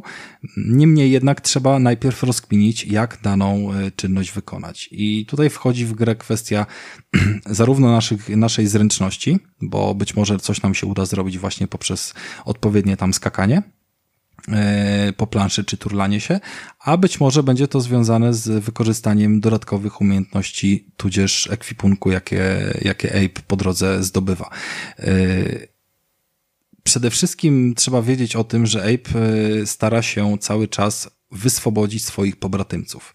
Mm, I on po drodze spotyka tych e, zmuszonych do pracy mudokonów, e, po czym zamienia z nimi jedno słowo czy dwa. Mamy krzyżak od tego, żeby wydawać im polecenia. Mm, kluczowe to jest e, chodź za mną, bądź stój w miejscu i ewentualnie możemy im przekazać jakieś, może nie tyle oręż do walki, co jakieś takie drobne rzeczy typu kamienie i inną broń, taką wiecie, na szybko sklejoną, typu jakaś tam fiolka wybuchowa wybuchowa z taśmą klejącą e, żeby ewentualnie atakowali bądź e, stali grzecznie w kontekście swoich wrogów. E, niemniej jednak najwięcej czasu spędzamy na tym, żeby tych mudokonów zebrać z tej planszy, tam gdzie oni są, i doprowadzić do jednego z punktów, który popularnie nazywam ptaszkami, bo są takie portale y, na fioletowo świecące się, gdzie po prostu przy tym portalu y, zaczynamy się modlić i, i ten portal zmienia się z ptaszków w prawdziwy portal i one wtedy tam wskakują i już są uratowane, to jest jakby zaliczony fragment etapu do późniejszej oceny. Ta ocena stanowi jakąś tam karmę, każdy level jest jakby oceniony przez nas, e, znaczy przez grę, mm, czy przeszliśmy go z karmą powyżej 80%. Na to się może składać zarówno ilość uratowanych tych monokonów, jak i e, zabitych e, wrogów, sligów i slagów i różnych takich złych roboto mutantów wyposażonych w bronie, służące do tępienia przede wszystkim dobrych mudokonów pracowitych. No i co tu dużo mówić. E, wszystko jest nawalone pułapkami w taki sposób, e, żeby tylko zgnoić i uprzykrzyć to życie i z każdym kolejnym jakby poziomem mm, napotykamy na coraz to nowe pułapki. A to będą jakieś e, platformy elektryczne, które będą raziły prądem, a to będą jakieś rolki kolcowe, które będą starały się, wiecie, nas pociąć na kawałki. I w tym momencie wchodzimy do takiego mm, dosyć takiego tematu, gdzie ta zawsze, zawsze jakby to było wizytówką tej gry. To jest y, przepełniona brutalnymi scenami gra, bo każda porażka jest naprawdę finałem, e, jakby kończy się w bardzo brutalny sposób. Mamy krojonego na kawałki, strzelanego i jakby, wiecie, mięso wręcz widać jak ciało e, żyjącego stwora, uchodzi z niego życie, wylatują z niego jakieś duszki i po prostu przewraca się mięso na ziemię i widzimy te śmierci setki razy. Nie da się tej gry przejść inaczej niż żeby nie zobaczyć setek tych różnych e, momentów śmierci. Mm, a jednocześnie jest bardzo dużo humoru w tej grze i, i, i jakby to jest, e, to jest zawsze taki kontrast, który tutaj z jednej strony opowiada o poważnych problemach i dosyć brutalnie pokazuje mm, aspekt zarówno tej śmierci, jak i tego niewolnictwa Wręcz niektóre pomysły, które tutaj fabuła przedstawia są, e, no przyprawiają trochę o gęsią skórkę. Tutaj już jakby w stronę fabuły nie chcę za mocno skręcać, ale poznajemy trochę e, takich pomysłów, które, mm, które ta zła rasa ma, e, ma dla, dla naszej przygotowane. I my po prostu staramy się tego unikać, więc mamy naprawdę odjechane pułapki bądź trudności na drodze do pokonania. Y, no i w momencie, kiedy uwolnimy jakiś mudokonów, y, w sensie jakby z, oderwiemy ich od obowiązków, które obecnie wykonują, oni zaczynają za nami iść. Yy, w miarę możliwości kopiują nasze ruchy, ale nie mają tych ruchów w pełnym zakresie, czyli na przykład nie potrafią wykonać podwójnego skoku, nie potrafią wykonać yy, kilku innych rzeczy, które tam jeszcze nasz, nasz bohater umie, więc trzeba to dopasować do ich możliwości. Poza tym działają z pewnym opóźnieniem, więc Czasami można się zablokować w bardzo głupi sposób, bo próbujemy z grupką pięciu mudokonów przebiec przez e, jakieś trudne miejsce, które dla nas nie jest trudne, ale gdy oni biegną w piątkę za nami, to już e, zawsze tych dwóch na końcu będzie ginęło. No jakby wystarczy prosty, logiczny wniosek, że zrobimy to na dwie tury albo na trzy i podzielimy sobie ich na dwie grupy i przebiegniemy w ten sposób. Tylko zwyczajnie przez ilość możliwości do, do, do y, zastosowania w różnych miejscach y, różnych umiejętności czy też wyposażenia y, potrafimy się zawiesić. I nie potrafimy przynajmniej ja miałem takie sytuacje, że nie potrafiłem rozkminić właściwego rozwiązania, pomimo, że było ono bardzo jakby proste i oczywiste i to jest właśnie ten aspekt y, gry logicznej. Ostatniego wieczora miałem taki moment, że mm, nie chciało mi się odpalać nowego levelu dużego, było już y, za późno, ale postanowiłem poprawić sobie jeden z początkowych leveli, taki krótki, który y, za pierwszym podejściem zajął mi chyba 28 minut do przejścia i tam był do uratowania tylko jeden mudokon plus e, punkty tej karmy były do, mm, za zabicie ewentualnie wrogów. E, zacząłem tam sobie przechodzić ten level, zwracać uwagę na każdą szczelinkę i, i, i tego typu rzeczy. Mm, I będąc już praktycznie na końcu, już czułem, że to jest koniec całego levelu, totalnie się zablokowałem w jednym miejscu i miałem pomysł, jak przeskoczyć, y, jak, jak jakby pokonać tutaj rozstawionych wrogów w taki sposób, żeby, y, żeby po prostu mnie nie zabili. Mm, tam, wiecie, spadały jakieś, y, spadały jakieś bomby moździerzowe, które podpalały platformy, trzeba było rzucać butelki z wodą, żeby ugasić tą mm, platformę, zanim się na nią wskoczy. Jak się wskakiwało na tą platformę, to trzeba było użyć jakiejś miny do ogłuszenia wroga i to wszystko było bardzo wycyrklowane w czasie trzeba było to zrobić naprawdę idealnie, żeby przeskoczyć, minąć trzech wrogów i uciec. Dwa razy mi się udało i byłem już na samej górze, uciekając y, w kierunku wyjścia i dosięgała mnie jakaś kula, która wcale nie musiała mnie dosięgnąć, y, być może ułamek sekundy tutaj zaważył. I się wkurwiłem i stwierdziłem, Boże, dlaczego ja tyle czasu siedzę w tym miejscu? Jak ja potrafiłem to przejść, będąc debilem, yy, który dopiero rozpoczął w to, jakby tą grę i, i trzy razy dopiero, wiesz, yy, trzy levele przeszedł pierwsze, więc yy, zrobiłem taką krótką sobie refleksję i przypomniałem sobie o bardzo ważnej umiejętności, którą ma nasz Ape. Yy, Ape się potrafi modlić, tak się przynajmniej to nazywa, bo jakby dla mnie to jest taka moc trochę telekinezy i wtedy nam się pojawia na ekranie taka kulka mocy, którą sterujemy i mamy tam kilka sekund dosłownie, zanim ta kulka straci swoją moc, żeby tą kulką dolecieć do wroga. I jeżeli uda nam się dolecieć do tego wroga w te kilka sekund, to bywają miejsca, że to jest bardzo mocno wycyrklowane i trzeba bardzo sprawnie to zrobić, e, to przejmujemy nad nim kontrolę. Możemy wtedy zabić, e, wykorzystać jego broń, zabić e, innych wrogów, możemy dokonać autodestrukcji, możemy pociągnąć za jakąś dźwignię, możemy skoczyć sobie gdzieś, no praktycznie wszystkie możliwe takie ruchy, jakbyśmy po prostu, wiecie, sterowali w pełni tą postacią. I zwyczajnie zapomniałem o tej możliwości, że można przejmować tych wrogów, bo w, w, większości etapów na grze, żeby to nie było po prostu zbyt proste, to latają sobie takie drony, które, które strzelają w nas prądem, jeżeli próbujemy właśnie czarować. I na tyle dużo miałem tych dronów w późniejszym etapie, że nie korzystałem już z tej umiejętności i zwyczajnie zapomniałem o tym, że ona istnieje, jak wróciłem do, do początkowego etapu, gdzie akurat był fragment możliwy, żeby, żeby z niego nie skorzystać. Więc tego typu sytuacje możecie tutaj trafiać i bardzo, bardzo często spotykałem się z opinią, że gra jest stosunkowo trudna, że jest y, zbyt, y, zbyt mocno jakby wycyrklowane te wszystkie czasy, jak trzeba tam gdzieś przebiec, albo kogoś zaczarować, albo, albo coś rozkminić. Ja czegoś takiego tutaj nie, nie odczułem. No być może to jest kwestia y, jakiegoś doświadczenia w platformówkach, ale pamiętam jedną recenzję przez, przez naprawdę fajnego gościa, którego cenię jakby opinię, y, jeżeli chodzi o YouTube i internet. Mówił o trudności tej gry, pokazując e, konkretnie etap, który e, ostatnio miałem okazję ograć i przebiegłem przez e, wszystkie tam pułapki, które były zastawione bez najmniejszego problemu i bez ani jednej śmierci. Po prostu kwestia wycyrklowania tam czasu, skoków i tak dalej. No i komuś to może sprawiać większą trudność, bo to faktycznie mm, jest, jest mieszanka, tak, tych elementów platformowych z logicznymi i czasami po prostu jest tylko kwestia zręczności. Jakby nie ma, nie ma niczego niczego więcej tutaj do, do rozgryzania, a czasami bez właściwej strategii po prostu nie pójdziemy dalej, albo nie uratujemy tych mudokonów, których mamy do zaplanowania, jakby yy, do zrobienia mm, w danym, w danym etapie jakiegoś limitu.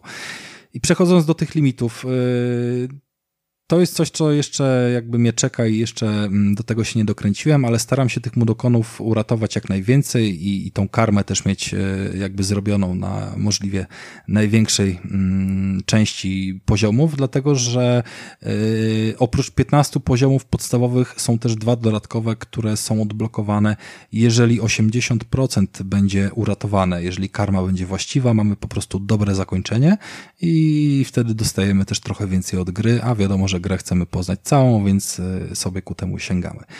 Mm, gra dostała przez ostatni miesiąc sporo małych poprawek, malutkich patchy. Ja tak naprawdę zobaczyłem tylko jedną e, rzecz poprawioną, jeżeli chodzi o te, te kilka aktualizacji, mianowicie mm, po samym włączeniu od razu w dzień premiery, przy każdym przebieganiu przez ten e, checkpoint, to zwykle jest jakiś tam, wiecie, tabliczka, tabliczka jakaś, bądź, bądź inny oznaczony jakimś tam charakterystycznym krążkiem świecącym punkt. Y, zawsze po prostu, kiedy gra się zapisywała, to musiała chrupnąć. No i przy naprawdę płynnym działaniu tej gry i ładnej grafice, każde takie chrupnięcie bolało. Nawet jeżeli wiedziałem, że ono jest związane z tym, że w tym momencie następuje autozapis i jakby chrupnięcie gry podczas y, autozapisu zdarza się w naprawdę największych tytułach. Y, jesteśmy w stanie wyłapać, kiedy gra sobie robi akurat save'a tak po prostu bardzo to irytowało, bo te zapisy były częstsze, ale w tym momencie już po tych kilku aktualizacjach kompletnie tego nie, nie dostrzegam, nie zauważam i wyeliminowali ten problem. Więc yy, tak mniej więcej się przedstawia ta rozgrywka. Nie wiem, czy macie jakieś pytania, czy może jakiegoś wątku mm, nie poruszyłem, e, ale mi się gra bardzo dobrze i to jest bardzo, bardzo ciekawe połączenie tytułów. To jest jedna z gier e, wychodzących trochę z kliszy i takich, które nie mamy mm, dostępu e, ostatnio, bo, bo jednak wszędzie to mamy albo jakieś sandboxy z trzecią osobą, czy to strzelane, czy, czy ganiane, albo jakieś, wiecie, strzelanki FPP po prostu w innym świecie, więc tutaj Dobra, jest coś ja mam, na pewno innego. E, ja mam e, parę pytań, Rafale. Pierwsze pytanie brzmi, czy e, czytałem, że gameplay jest za wolny? E, czy faktycznie jest wolny? Czy oni się faktycznie tak wolno poruszają, że masz kurwa dość, że musisz pokonać drogę, a oni tak wolno chodzą? Nawet Wręcz przeciwnie.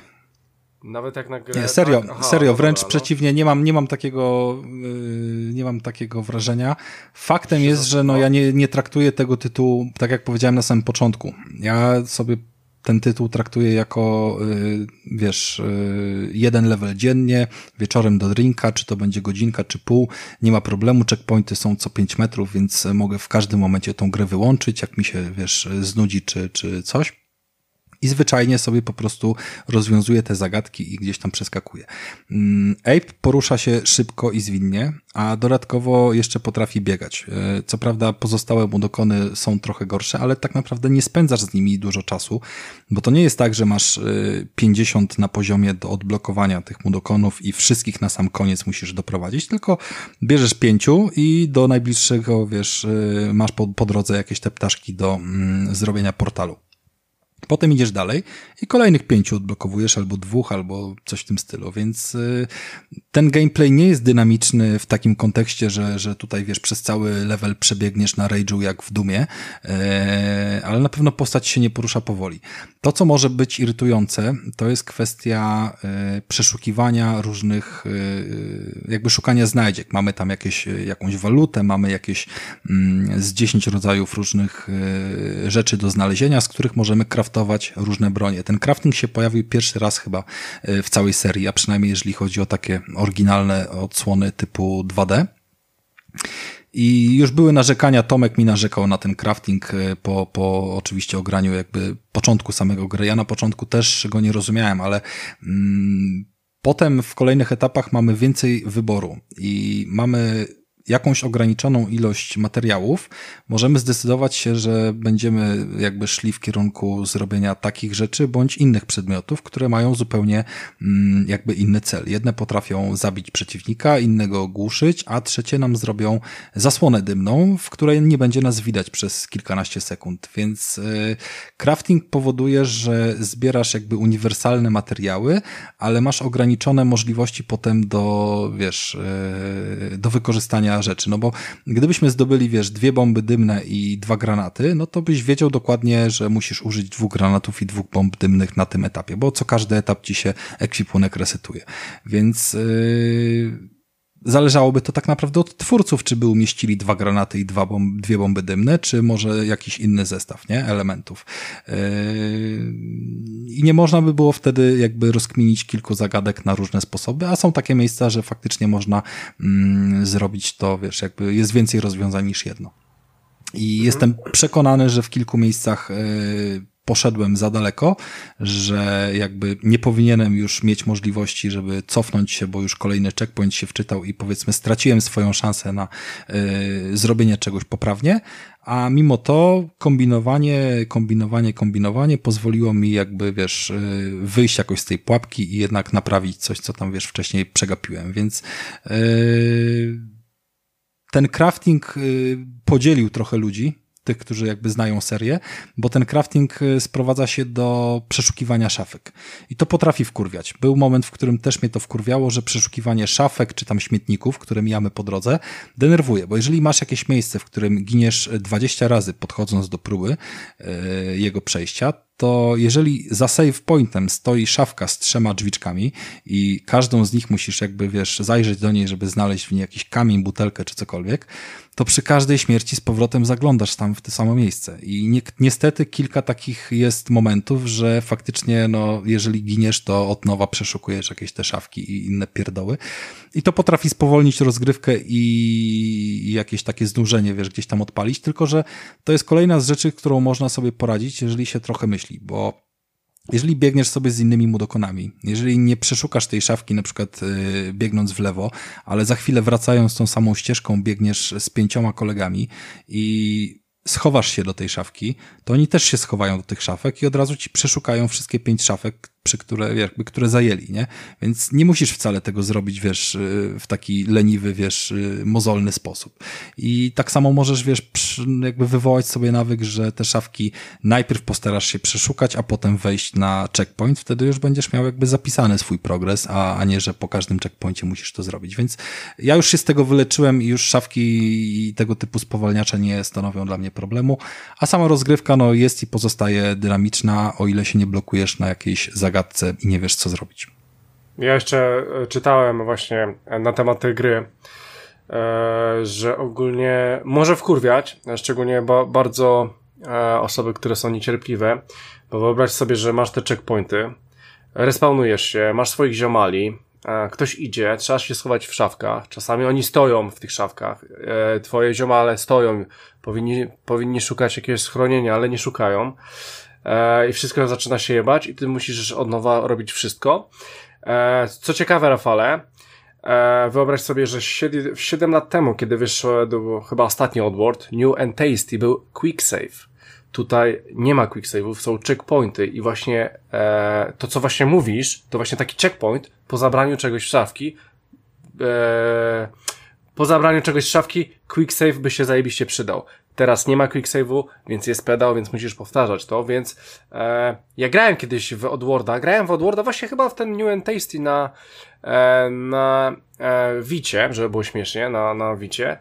E, i powiem Ci, że czasami te sekwencje były długie, E, I jeżeli faktycznie, i, i czasami na, nawet trzeba było mieć e, z, z, cierpliwość jedno, zręczność drugie, i jeżeli faktycznie po paru minutach e, giniesz, i to tak giniesz nie do końca z twojej winy, to może być chujowe.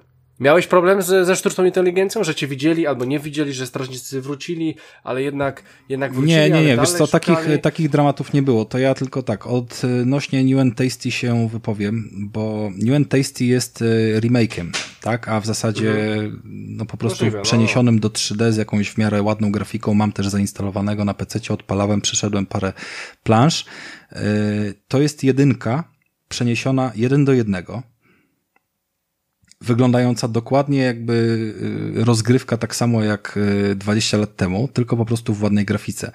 I tam dalej chodzisz od planszy do planszy. Tam dalej pokonujesz zagadki tak jak były zaprojektowane 25 lat temu i ja do dziś przyznaję, że tego pierwszego Abe'a, będąc dzieciakiem, nie skończyłem, bo są momenty, kiedy musisz y, dojść do krawędzi, y, wymierzyć kroki, potem się cofnąć o dwa kroki, żeby mieć odpowiedni odległość jakby do rozbiegu, potem jakby jak weźmiesz rozbieg, to jeszcze się złapać krawędzi i tam tam granie przypominało naprawdę, wiesz, jakby nie było elementu platformowego, tylko było, wiesz, wyliczanka klawiaturowa jak wbicie Fatality w Mortalu. To był jakby ten model, żeby coś yy, przeskoczyć. I, i to potrafiło bardzo mocno wkurwić i tam ten quick save był nieodzowny. To było jakby jedyne udogodnienie, które mogli wprowadzić, żeby spowodować, że ta gra będzie bardziej dostępna, bo, mm, bo można było powiedzmy po przejściu, wiesz, pierwszego fragmentu już sobie zrobić quick save'a i go potem nie powtarzać, e, jakby zamiast całej sekwencji. A tutaj mamy całą grę zaprojektowaną od nowa. Ona jest jakimś tam, wiesz, fabularnie, częściowo, yy, powiedzmy, że znaczy ona nawet nie jest remake'em Exodusa, który jest kontynuacją y, pierwszej części tego, tego Ape Outwars. Y, dlatego Soulstorm jest y, jakby drugą ścieżką, jest kontynuacją New and Tasty, ale, ale fabularnie skręca w innym kierunku, trochę inną historię opowiada. Więc tutaj nie mamy żadnego remastera, mamy wszystko zaprojektowane od nowa i naprawdę tych save'ów jest mnóstwo, tych checkpointów. Mhm. Tak naprawdę, no, okay. Do tego stopnia, że no przeskakujesz przez, y, nie wiem, jakieś tam kolczaste, wiesz, przeszkody, to przeskakujesz przez dwie lub trzy po kolei i masz kolejnego checkpointa, nie? Jakby ja czasami robiąc jedną sekwencję, mijam na zmianę trzy checkpointy i nigdy nie wiem, przy którym się odrodzę, jak zginę, bo wiesz, znaczy on się pali akurat, ale y, dziwię się, że się przy, urodziłem przy tym, bo nawet nie odnotowałem faktu, że wiesz, na niego wszedłem, bo y, dany fragment planszy zawiera powiedzmy, wiesz, y, w pionie, w dół i tak dalej jest rozbudowany i, i zawiera jakieś takie trzy checkpointy, więc to mi tak naprawdę nie przeszkadza. To przeszukiwanie może być y, w kilku miejscach irytujące, może w paru momentach ktoś się jakby nad tym nie zastanowił, y, ale, ale naprawdę nie było momentu, w którym bym musiał zbyt duży fragment gry powtarzać, żeby mnie to zdenerwowało. Chyba, że mówimy o całym powtarzaniu levelu, ale nie było takiego levelu, żebym przeszedł go od razu na 100%, nawet jeżeli staram się, wiesz, wypatrzeć każdy sekret i tak dalej. Jakby więc jak ktoś będzie chciał to masterować, robić na 100%, to i tak będzie powtarzał całe levele i tak. I jedyną funkcją, którą bym chyba chciał sobie dodać, to jest fakt, że jak z rozpędu gdzieś lecę i, i mam taką część, wiesz, zręcznościową i polecę jeden checkpoint za daleko, a za mną zginie już Mudokon, który właśnie biegł i wiesz, próbował gdzieś tam wskoczyć, to chciałbym się cofnąć nie do ostatniego checkpointa, tylko do poprzedniego quick save'a. I taka możliwość powinna się pojawić, żeby po prostu uniknąć głupich błędów, jakby, wiesz, wynikających z twojego rozpędu czy, czy nieuwagi. Ale ale to są jakby pojedyncze sytuacje i nie uważam, że jakoś powinny, wiesz, wpływać na, na ocenę tej gry. Jeżeli chodzi o te mudokony, jakieś chowanie ich w szafkach, trzeba przyznać, oni, oni nie są, oni mają wszyscy modele 3D i tak dalej, ale oni nie mają kolizji między swoimi modelami. Yy, mamy grę 2D, więc jakby tutaj nie ma możliwości w ogóle mówić o kolizjach, bo wszystkie postacie, jeżeli przechodzą naprzeciwko siebie, to się mijają. Więc jeżeli biegniesz z garstką pięciu, dziesięciu y, mudokonów, to oni stoją na miejscu, które powiedzmy mogłoby zajmować dwóch modokonów, to ich stoi dziesięciu. I są tak, wiesz, poprzesuwani względem siebie o 5 pikseli, nie? E, I podobny sposób wykonują ruchy, oczywiście w jakiejś tam kolejności, więc nigdy nie biegną jednocześnie i nie wyglądają jak jeden gruby mudokon, tylko z jakimś tam delikatnym opóźnieniem każdy biegnie po kolei, zależnie jak tam się ustawią. Zdarza się tak, że któryś się zagubi, zdarza się tak, że któremuś coś pójdzie wolniej i, i wtedy po prostu trzeba zrobić jakiś reset, e, a chowanie się do szafek, jak na przykład mamy cztery szafki i, i jesteś ty plus trzech mudokonów wskakujesz do szafki, oni zaczynają wtedy jakby tą grę taką, wiecie, yy, znajdź wolne krzesło, nie? Co się, wiesz, chodzi dookoła kółka ustawionego z krzeseł i co, co rundę się odbiera jedno krzesło, nie? I kto nie znajdzie krzesła, to wpierdol. To mniej więcej tak wygląda. Oni po prostu zaczynają biegać w lewo, w prawo, zanim wskoczą do, wiesz, yy, do szafek, bo nie ma z góry przypisanych, który do której ma wskoczyć. Ta gra musi się, wiesz, zastanowić, kto jest bliżej której i tak dalej. Więc to owszem, zajmuje to pół sekundy czy sekundę i nie jest to zawsze ten sam czas, więc więc e, przy precyzyjnych akcjach może wyjść tak, że raz nam się uda schować, a raz nam się nie uda, ale to nie jest nic, z czym można sobie nie poradzić. Można rzucić granat dymny przed szafkami i w ogóle jakby nie będzie tematu, nie? Więc y, nie, nie przeszkadza mi to tak bardzo i y, zwykle to na siebie najbardziej, tak jak podobnie zresztą mówiłem w ostatnim odcinku, jak, jak mnie coś tam zblokowało przy Car Mechanic Simulatorze. Zwykle to na siebie się wkurwiam, że nie wpadnę na jakiś pomysł, a nie na konstrukcję gry, że jest technicznie zrobiona w taki sposób, że za trudno jest y, coś rozgarnąć. I mam taki jeden moment, kiedy z kilkupoziomowej takiej wieżyczki, chyba było tam ośmiu mudokonów do uratowania, ja uratowałem pięciu, y, robiłem kilkanaście podejść i nie byłem w stanie rozkminić, jaka strategia ma być właściwa, żeby uratować wszystkich, więc to olałem, wziąłem tych pięciu i, i pozostałych trzech tam zostawiłem po prostu, więc, yy, ale to była moja wina, nie? Po prostu mi się nie chciało szukać odpowiednio długo właściwego rozwiązania albo po prostu uruchomić innego podejścia, może się kiedyś tam wróci. No. Mhm. Dobra, a to Michał prowadzi, sorry. E, rzeczywiście. e, ja mam pytanie, czy ktoś, kto nie grał nigdy w Oddworld, bo jest tych części bardzo dużo, czy, czy ta, ta część to jest dobry start, żeby gdzieś tam sobie zacząć w tą grę grać? Szczerze myślę, że lepszy niż New and Tasty. Myślę, że y, należy od tej gry zaczynać bo ona faktycznie już prezentuje całkowicie nową jakość. Mamy, nie mamy żadnych dzielonych plansz, biegamy sobie, mamy dużo umiejętności, jakieś rzucanie właśnie przedmiotami i po prostu bardzo dużo mechanik, które, no, których spodziewalibyśmy się po takiej grze, wiesz, podwójne skoki i, i, i różne takie. Mm, I ona po prostu jest nowoczesną grą, pomimo, że gdzieś tam sięga do tych y, lat 90. z y, układem 2,5D, co wbrew pozorom może być bardzo odświeżające, bo y, wiesz, z jednej strony zagrywa wpatrywamy się dniami i nocami w bardzo rozwinięte i, i często skomplikowane technicznie y, tytuły, wciąż pixelartowe 2D y, od góry, ale taką ładnie graficzną, dobrze zrobioną y, technicznie grę, którą widzimy po prostu od boku i ona jest 2,5D, tak? To ja nie pamiętam, kiedy coś takiego wiesz, wyszło dobrego. I tak jak powiedziałem, New and Tasty jest po prostu remake'iem. Jakby to jest dalej oryginał, tylko w ładnej oprawie z jakimś tam udogodnieniem y, typu ten quick save, więc od niego się będzie bardzo łatwo odbić. Mm, a tutaj jednak, y, jednak myślę, że jakieś te lekcje zostały odrobione. Hmm, bo ja przyniosłem dzisiaj na odcinek gierkę, gdzie mam poczucie, że nie grałem w, nie grając w poprzedniej części dużo tracę. Jest to właśnie Devil May Cry 5, które kupiłem dosyć spontanicznie. No okej, okay, Devil May Cry 5 było w, w Game Passie i nawet miałem ściągnięte. Nie zdążyłem zagrać. Gra z Game Passa zniknęła, pojawiła się w promocji na, e, e na, na Xboxie, na Storze i kupiłem ją za 19 euro i I to było takie, ok, miałeś na Game Passie, yy, nie zdążyłeś, kupiłeś, no i, i teraz nadrabiam sobie. No i yy, Spoko, Devil May Cry... do Tomb Raidera mojego. Tam zrobimy taką listę kiedyś gier, w które nie zdążyliśmy zagrać w Game Passie, to powinno się już wydarzyć. Ej, ej, sobie... proszę, proszę takich rzeczy nie mówić. No mów. Oho. Już obrońca zieleni się pojawił. Jakoś, jakoś gry z plusa walisz wszystkie, wszystkie jak wychodzą, nowe walisz kiedy jak wychodzą, a na Nieprawda. control, jak...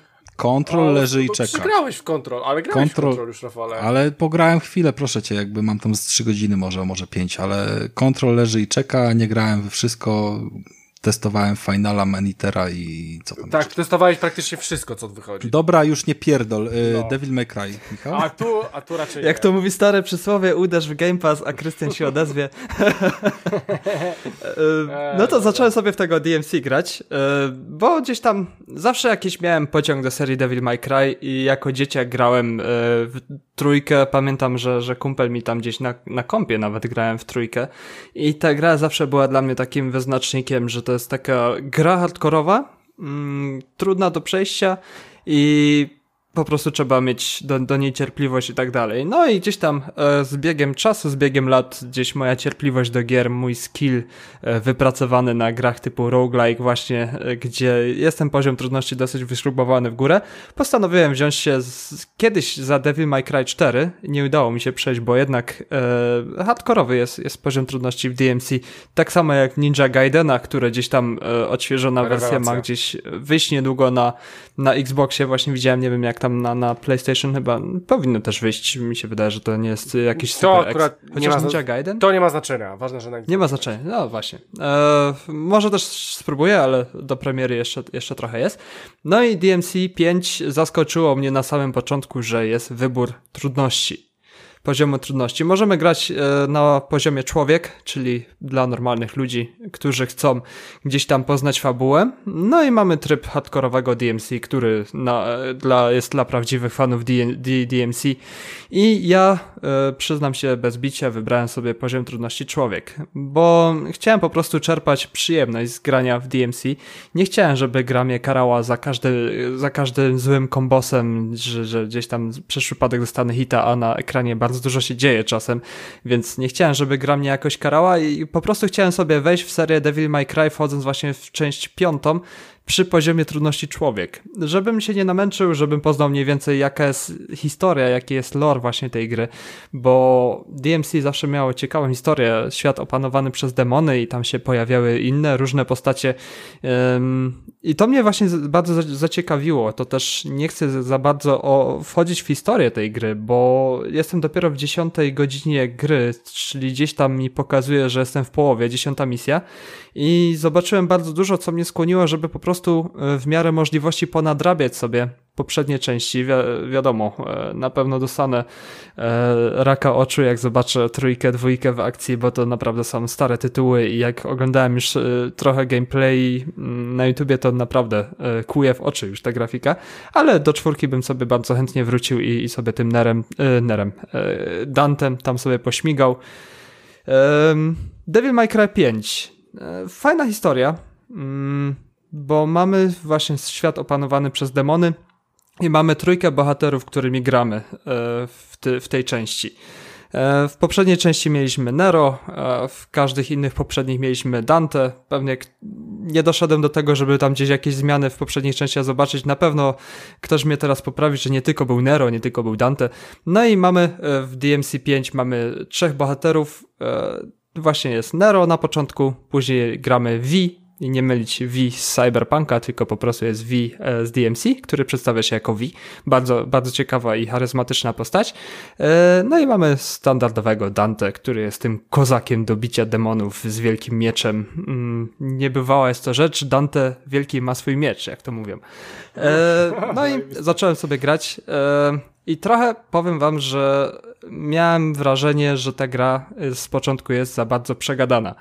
E, bo DMC, e, ludzie odbierają DMC jako grę pełną akcji, slasher, walimy się mieczami z demonami, robimy kombosy, robimy różne sztuczki, kombinacje, które gdzieś tam wpływają na ocenę, e, jaka jest wystawiana nam podczas kończenia poziomu, bo zrobić poziom na, na SS to już jest naprawdę dobry wyczyn. Na poziomie człowieka udaje mi się tylko na S maksymalnie, gdzie balansuję między A i S i to już trzeba się napocić, że po prostu mój, mój biedny pad Xboxa, który ucierpiał po ostatnim upadku, kwiczy i skrzypi e, przy samym graniu w DMC.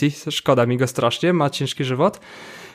Um, i problem pojawia się tutaj właśnie z tymi, z tą historią, którą, która przeplata się między trzema bohaterami. Wracamy sobie w historii tam do różnych wydarzeń, poznajemy je z, e, te wydarzenia e, z, z, różnych perspektyw właśnie tych trzech bohaterów i ta gra bardzo skupia się na tym, żeby bohaterów mieć po prostu wyrytych na pamięć. Zbieramy te red orby, e, którymi kupujemy sobie umiejętności do naszych bohaterów i sam na przykład Dante ma już bardzo dużo rozwój umiejętności, bo mamy dwie bronie białe na razie na początku, czyli możemy bić z pięści czy z miecza i możemy w to wkładać, żeby coraz lepsze komboty, kombosy do poszczególnych broni sobie odblokowywać. E, do tego ruchy postaci sobie osobno odblokowywać. Do tego Dante ma dwa rodzaje broni palnej na razie, na początku, e, czyli dwa pistolety i taki mały shotgun, obrzyn, coś mniej więcej w tym stylu. I każdy z tych wszystkich rzeczy możemy sobie po prostu rozwijać osobna i do tego mamy dedykowane właśnie przyciski, kombinacje przycisków opanować to wszystko przy jednym, przy jednym bohaterze jest ciężko, bo każdy bohat z bohaterów ma styl, inny styl gry, bo Dante jest bardzo mm, osob bohaterem, który gdzieś tam na blisko i, i stawiany jest na, na właśnie miecz, głównie na miecz. Nero to jest taki mniejszy Dante, który gdzieś tam mieczem i swoimi, swoją e, magiczną ręką e, wspomaga się w walce. To już jest inny styl. No i dochodzi nam e, właśnie ten wspomniany wcześniej V, który nie jest dobry na walce, walce z Warciu, ale korzysta ze swoich dwóch demonów, Kruka i Tygrysa, których też osobna możemy sobie upgrade'ować właśnie za pomocą e, Red Orbów. I w czym jest problem? Jako, że gra skupia się na klepaniu jak największych kombosów, to musimy, żeby mieć dobry wynik grze, mm, żeby uklepać super kombosa, musimy mieć te postacie wszystkie obcykane. No i jak e, dochodzą, jak żongluje nam fabuła trzema postaciami, że raz gramy misję Nero, raz gramy misję V, raz gramy misję Dante, to ciężko znaleźć sobie taki flow w tej rozgrywce, żeby te kombosy e, z każdym z tych bohaterów klepać, bo po prostu trzeba. E, ja się łapię na tym po prostu, że wchodzę w menu, mm, oglądam sobie sterowanie i mniej więcej na początku każdej rundy po zmianie zawodnika, że tak powiem. Obcykam sobie, jak mniej więcej ta postać znowu jest grywalna, bo przy zmianie postaci się po prostu tego zapomina i wypada się z tego flow. E, trochę wprowadza to zamieszania w rozgrywce, no i trochę to jest dla mnie tak na minus. Wolałbym się skupić jednak e, na jednej postaci, ale te postaci są tak, tak różne i tak, e, taką swoją, swój fajny charakter mają, że bardzo fajnie poznać każdą z tych trzech postaci, rozwinąć sobie i po prostu kroczyć przez ten opanowany przez, przez demony świat trzema ścieżkami. Fajnie jest to zrobione. Yy, mówiłem, że gra jest na początku dużo przegadana, oczekiwałem akcji, chciałem już od razu siekać i tak dalej, no ale ta historia musiała być jakoś yy, prze, prze, przekazana. Z biegiem rozgrywki po 10 godzinach już jest dużo lepiej, bo mamy tam mm, poziomy, gdzie naprawdę dużo wrogów nas zasypuje i, elementy platformowe, e, plus na końcu mamy przeróżnie ciekawy, przeróżnych ciekawie za, za, za, zaprojektowanych bossów. I tutaj wchodzi taki syndrom, że za dużo nagrałem się w Soulsy i ci bossowie na mnie nie robią teraz takiego wrażenia, jak e, robili na mnie w Soulsach. Bo mi się wydaje, że Soulsy gdzieś tam e, poszli gdzieś tam śladami DMC, że ten boss musi po prostu być e, przekokszony i musi być naprawdę taki, że, że idzie się na bossa i od razu się wie, że się ma problem. No i DMC słynęło z tego od pierwszych części, że ci bossowie byli e, na maksa wykminieni i, i robili naprawdę dobre wrażenie. Mm, tak samo jest w Soulsach. No i gdzieś tam te, te, ten czar w DMC teraz pryska, bo ci bossowie nijak się mają do tych bossów e, z serii właśnie Souls, e, że po prostu są takimi e, dużymi bossami, ale są do pokonania. Nie jest coś takiego, że człowiek może się zawiesić na danym bossie i, i po prostu, mm, żeby to stworzyło barierę nie do przeskoczenia. Bardzo fajnie się w to gra. Mm, żałuję, że dopiero teraz sięgnąłem, a nie mm, jak, jak było w Game Passie albo gdzieś tam po premierze i, i w poprzedniej części.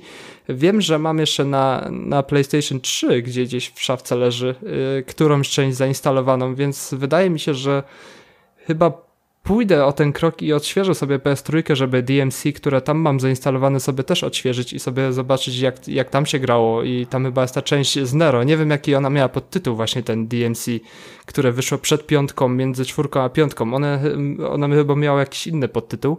No i obczaję sobie, bo ta seria zawsze gdzieś mnie tam pociągała. No, oczywiście jest to japońszczyzna pełną parą i, i gdzieś tam wychodzę ze swojej strefy kom, y, komfortu, żeby gdzieś tam w tą japońszczyznę wejść i, i sobie te wszystkie serie DMC. Tak samo jak zobaczyłem, że Ninja Gaiden wychodzi w edycji odświeżonej, te wszystkie części na, na Xboxa, to też wydaje mi się, że, że pójdę sobie w tą stronę i sobie gdzieś tam ten machanie mieczem mm, chętnie, chętnie znowu obczaję, więc DMC e, ostatnio zawładnęło całym moim czasem prawie i no 10 godzin nie jest, nie jest jakoś super dużo, ale nie miałem tego czasu za wiele, więc każdą minutę gdzieś tam, jak, jak miałem wolne czasy, to DMC wchodziło i było siekanie demonów. E, bardzo fajnie gra wygląda, bo to jest gra w sumie z 2019, więc nie jest jakaś super stara. Mm, chętnie bym zobaczył właśnie odświeżoną wersję na, na konsolę nowej generacji, na Series X, ale na razie gram na One X jest naprawdę fajnie. E, nawet jak się dużo dzieje, to, to mm, nic nie chrupie, nic nie zacina. Jest dobre flow do trzepania kombosów. No i oczywiście e, na przeróżnych e, lokacjach podróżujemy naszymi bohaterami i, i, jest naprawdę fajnie wszystko, cała otoczka zbudowana i gra. Jeśli ktoś lubi japońszczyznę i hardcore, e, to na pewno jest warte polecenia, tym bardziej, że na poziomie trudności człowiek jest, jest jak najbardziej grywalna dla każdego i wydaje mi się, że jak e, pokonam właśnie poziom trudności człowiek, jak przejdę linię fabularną, to chętnie sobie sięgnę po, po właśnie poziom trudny i jeśli ogarnę trudny, to wrócę z tą grą i powiem, jak bardzo się nakląłem na poziomie trudnym. Na razie jest ok i będę grał dalej. Super. Ja akurat czwórkę przeszedłem, pamiętam. E, była bardzo fajna. E, bardzo fajna. Czego nie lubiłem w czwórce, to nie lubiłem takich elementów platformowych, jak było coś takie, takie wirujące ostrza, nie wiem czy pamiętasz, które trzeba było wybić ziemi, e, rozpędzić je i uderzyć w nie, żeby dalej poszedł, poszły w jakieś, jakąś dziurę i żeby coś się odblokowało. Pamiętasz nie, takie coś? Nie wiem, Michael. Już dawno, dawno, dawno, dawno, dawno w to grałem. Eee, ale to było mega wkurwiające. Że, znaczy, z tego co pamiętam, tego. to nie pamiętam, żeby miał jakimś z tym problem. Aha, wiesz co mi się nie podobało w poprzednim Devil May Cry'u 4? Ogólnie był zajebisty. Lubię Devil May Cry'a, Ninja Gaiden to jest w ogóle um, um, masakra, ale w poprzednim e, Devil May Cry 4 bardzo mi się nie podobał chujowy backtracking. E, pamiętam, że i szedłeś do miejsca i później kolejna misja wracasz tym, w tym, tym miejscem. Później idziesz do kolejnego miejsca i znowu wracasz jakimś tam miejscem, że, że bardzo często dwa razy wchodziłeś do tych samych planszy przez 30-40% gry, co mi się bardzo nie podobało. Tu jest jakiś backtracking? Wracasz do tych samych miejsc? Właśnie chciałem powiedzieć, że też jest, tylko gdzieś ten backtracking jest zrobiony tak, że wracasz w te miejsca innymi postaciami. I Aha, to czyni no tą ale... rozgrywkę inną, bo po prostu Aha. inną postacią masz inny styl rozgrywki i, i ten backtracking aż tak nie razi. Więc to jest spoko zrobione. No, no Chociaż okay, teraz, no o kurde, znowu muszę przechodzić przez tę lokację. Widać, że kontynuują zamysł z poprzedniej części i, i zrobili to samo. Ale pamiętam, że właśnie w DMC 4 jak wyszło, było dużo narzekań na ten backtracking, że po prostu gdzieś te poziomy się od nowa przechodzi. No ale okej, okay, w DMC inne postacie daje to odrobinę różnorodności. No tak, może, może. No tak. No fajne, fajne. W piątkę, kurczę, no powiem ci, że w piątkę bym pograł, ale, ale wypadła z Game Passa, no. Eee... Nie żałuję, że dałem 19,99 euro. Bo no, no. gdzieś ta gra daje mi na tyle fanu, że, że chętnie właśnie nie mam poczucia, że, że kurde, przegapiłem w Game Passie i teraz wybuliłem i, i że wyrzuciłem hajs w błoto. No nie, no to zależy od podejścia, ale... Michał, jakby wiemy, że ty jak, jak grę szanowałeś, to i wiesz, i, i wstrzeliłeś się w e, Gearsy piątkę, tak? Na, na premierę, wiesz, w jakąś tam super wersję, pomimo, że przecież była od premiery w Game Passie i wiesz, każdy się krzywił, co za debil, po co za to płaci, nie? No ale, ale... ale ale no, no, jakby tak, tak się po prostu podchodzi do tego. No jakby ja za te Gearsy nie zapłaciłem, bo do dzisiaj ich nie przeszedłem. Krystian zresztą też. No jakby jak coś wiemy, to, to, to, to się chce patrzeć. Powiem szczerze, że mnie kusi, yy, pomimo tego, że mam w plusie, tak abstrahując od całej sytuacji z Game Passa, tylko w ogóle przechodząc w abonamenty, kusi mnie wersja, która w czerwcu będzie miała premierę yy, Finala, z ulepszeniami, jakimś tam delikatnym DLC, yy, bo zwyczajnie bardzo się zachwyciłem tą grą i chciałbym ją mieć zwyczajnie na półeczce, niezależnie od konta, albo nie wiem, mieć możliwość pożyczenia komuś czy coś, po prostu zwyczajnie yy, korci, korci, żeby sobie ją postawić na półce. Ten, wiesz, e... ulepszony integral. E, Michael, ty kupiłeś normalną piątkę, czy tą special, special edition? E, był jakiś special edition? Czym to się różni? Nawet no, nie wiem. Znaczy to chodziło o to, że wiesz, no lepsza grafika e, na nowych konsolach, 4K e, i tak dalej, ale właśnie chodzi o to, że właśnie była tutaj ta postać. Nie, nie wiem jakimi postaciami grasz. Pamiętasz jakimi, jakimi postaciami grasz? Nero, Dante, no, ktoś jeszcze? I V. I co? V. V. V. Ale po prostu V. V, no. no to... On się nawet przedstawia po prostu V. Dobra, no to Aha, no tak, tak, tak, dobra, to teraz czytam. To w tej Special Edition dochodzi czwarta postać, nazywa się Virgil. I tym Virgilem jeszcze. A to chyba jest fabułą. Mi się wydaje, że to gdzieś w fabule będzie i dopiero do tego dojdę. Aha, to może ci zaspoilerowałem. Faktem jest, że tym Virgilem przechodzisz całą grę też, więc e, e, nie wiem, jakie to będzie miało sens dla całej fabuły, jak nim się będzie jeszcze raz piątkę całą przychodziło. E, faktem jest, że tylko ci po prostu mówię, że ta Special Edition e, to właśnie tam dochodzi też kolejna postać. Przepraszamy wszystkich diehard fanów DMC, którym teraz uszy krwawią przez naszą niewiedzę. No, a i dochodzi nowy poziom trudności, jakby było ci za łatwo, nie? To, ten. No jasne, czemu nie? Jak ginąć to na potęgę i ćwiczyć cierpliwość i hard ducha. No, no i, i, tyle chciałem powiedzieć o tym właśnie.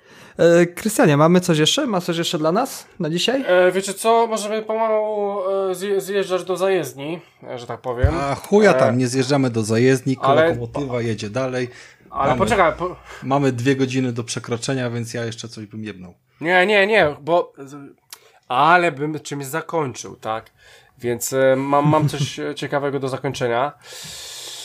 Eee, co ty, czym ty chcesz tu zajeżdżać do zajezdni? Nie, aha, bo ty możesz tym zajechać do ty, To bardzo ty chcesz, czy ja mogę, Rafał?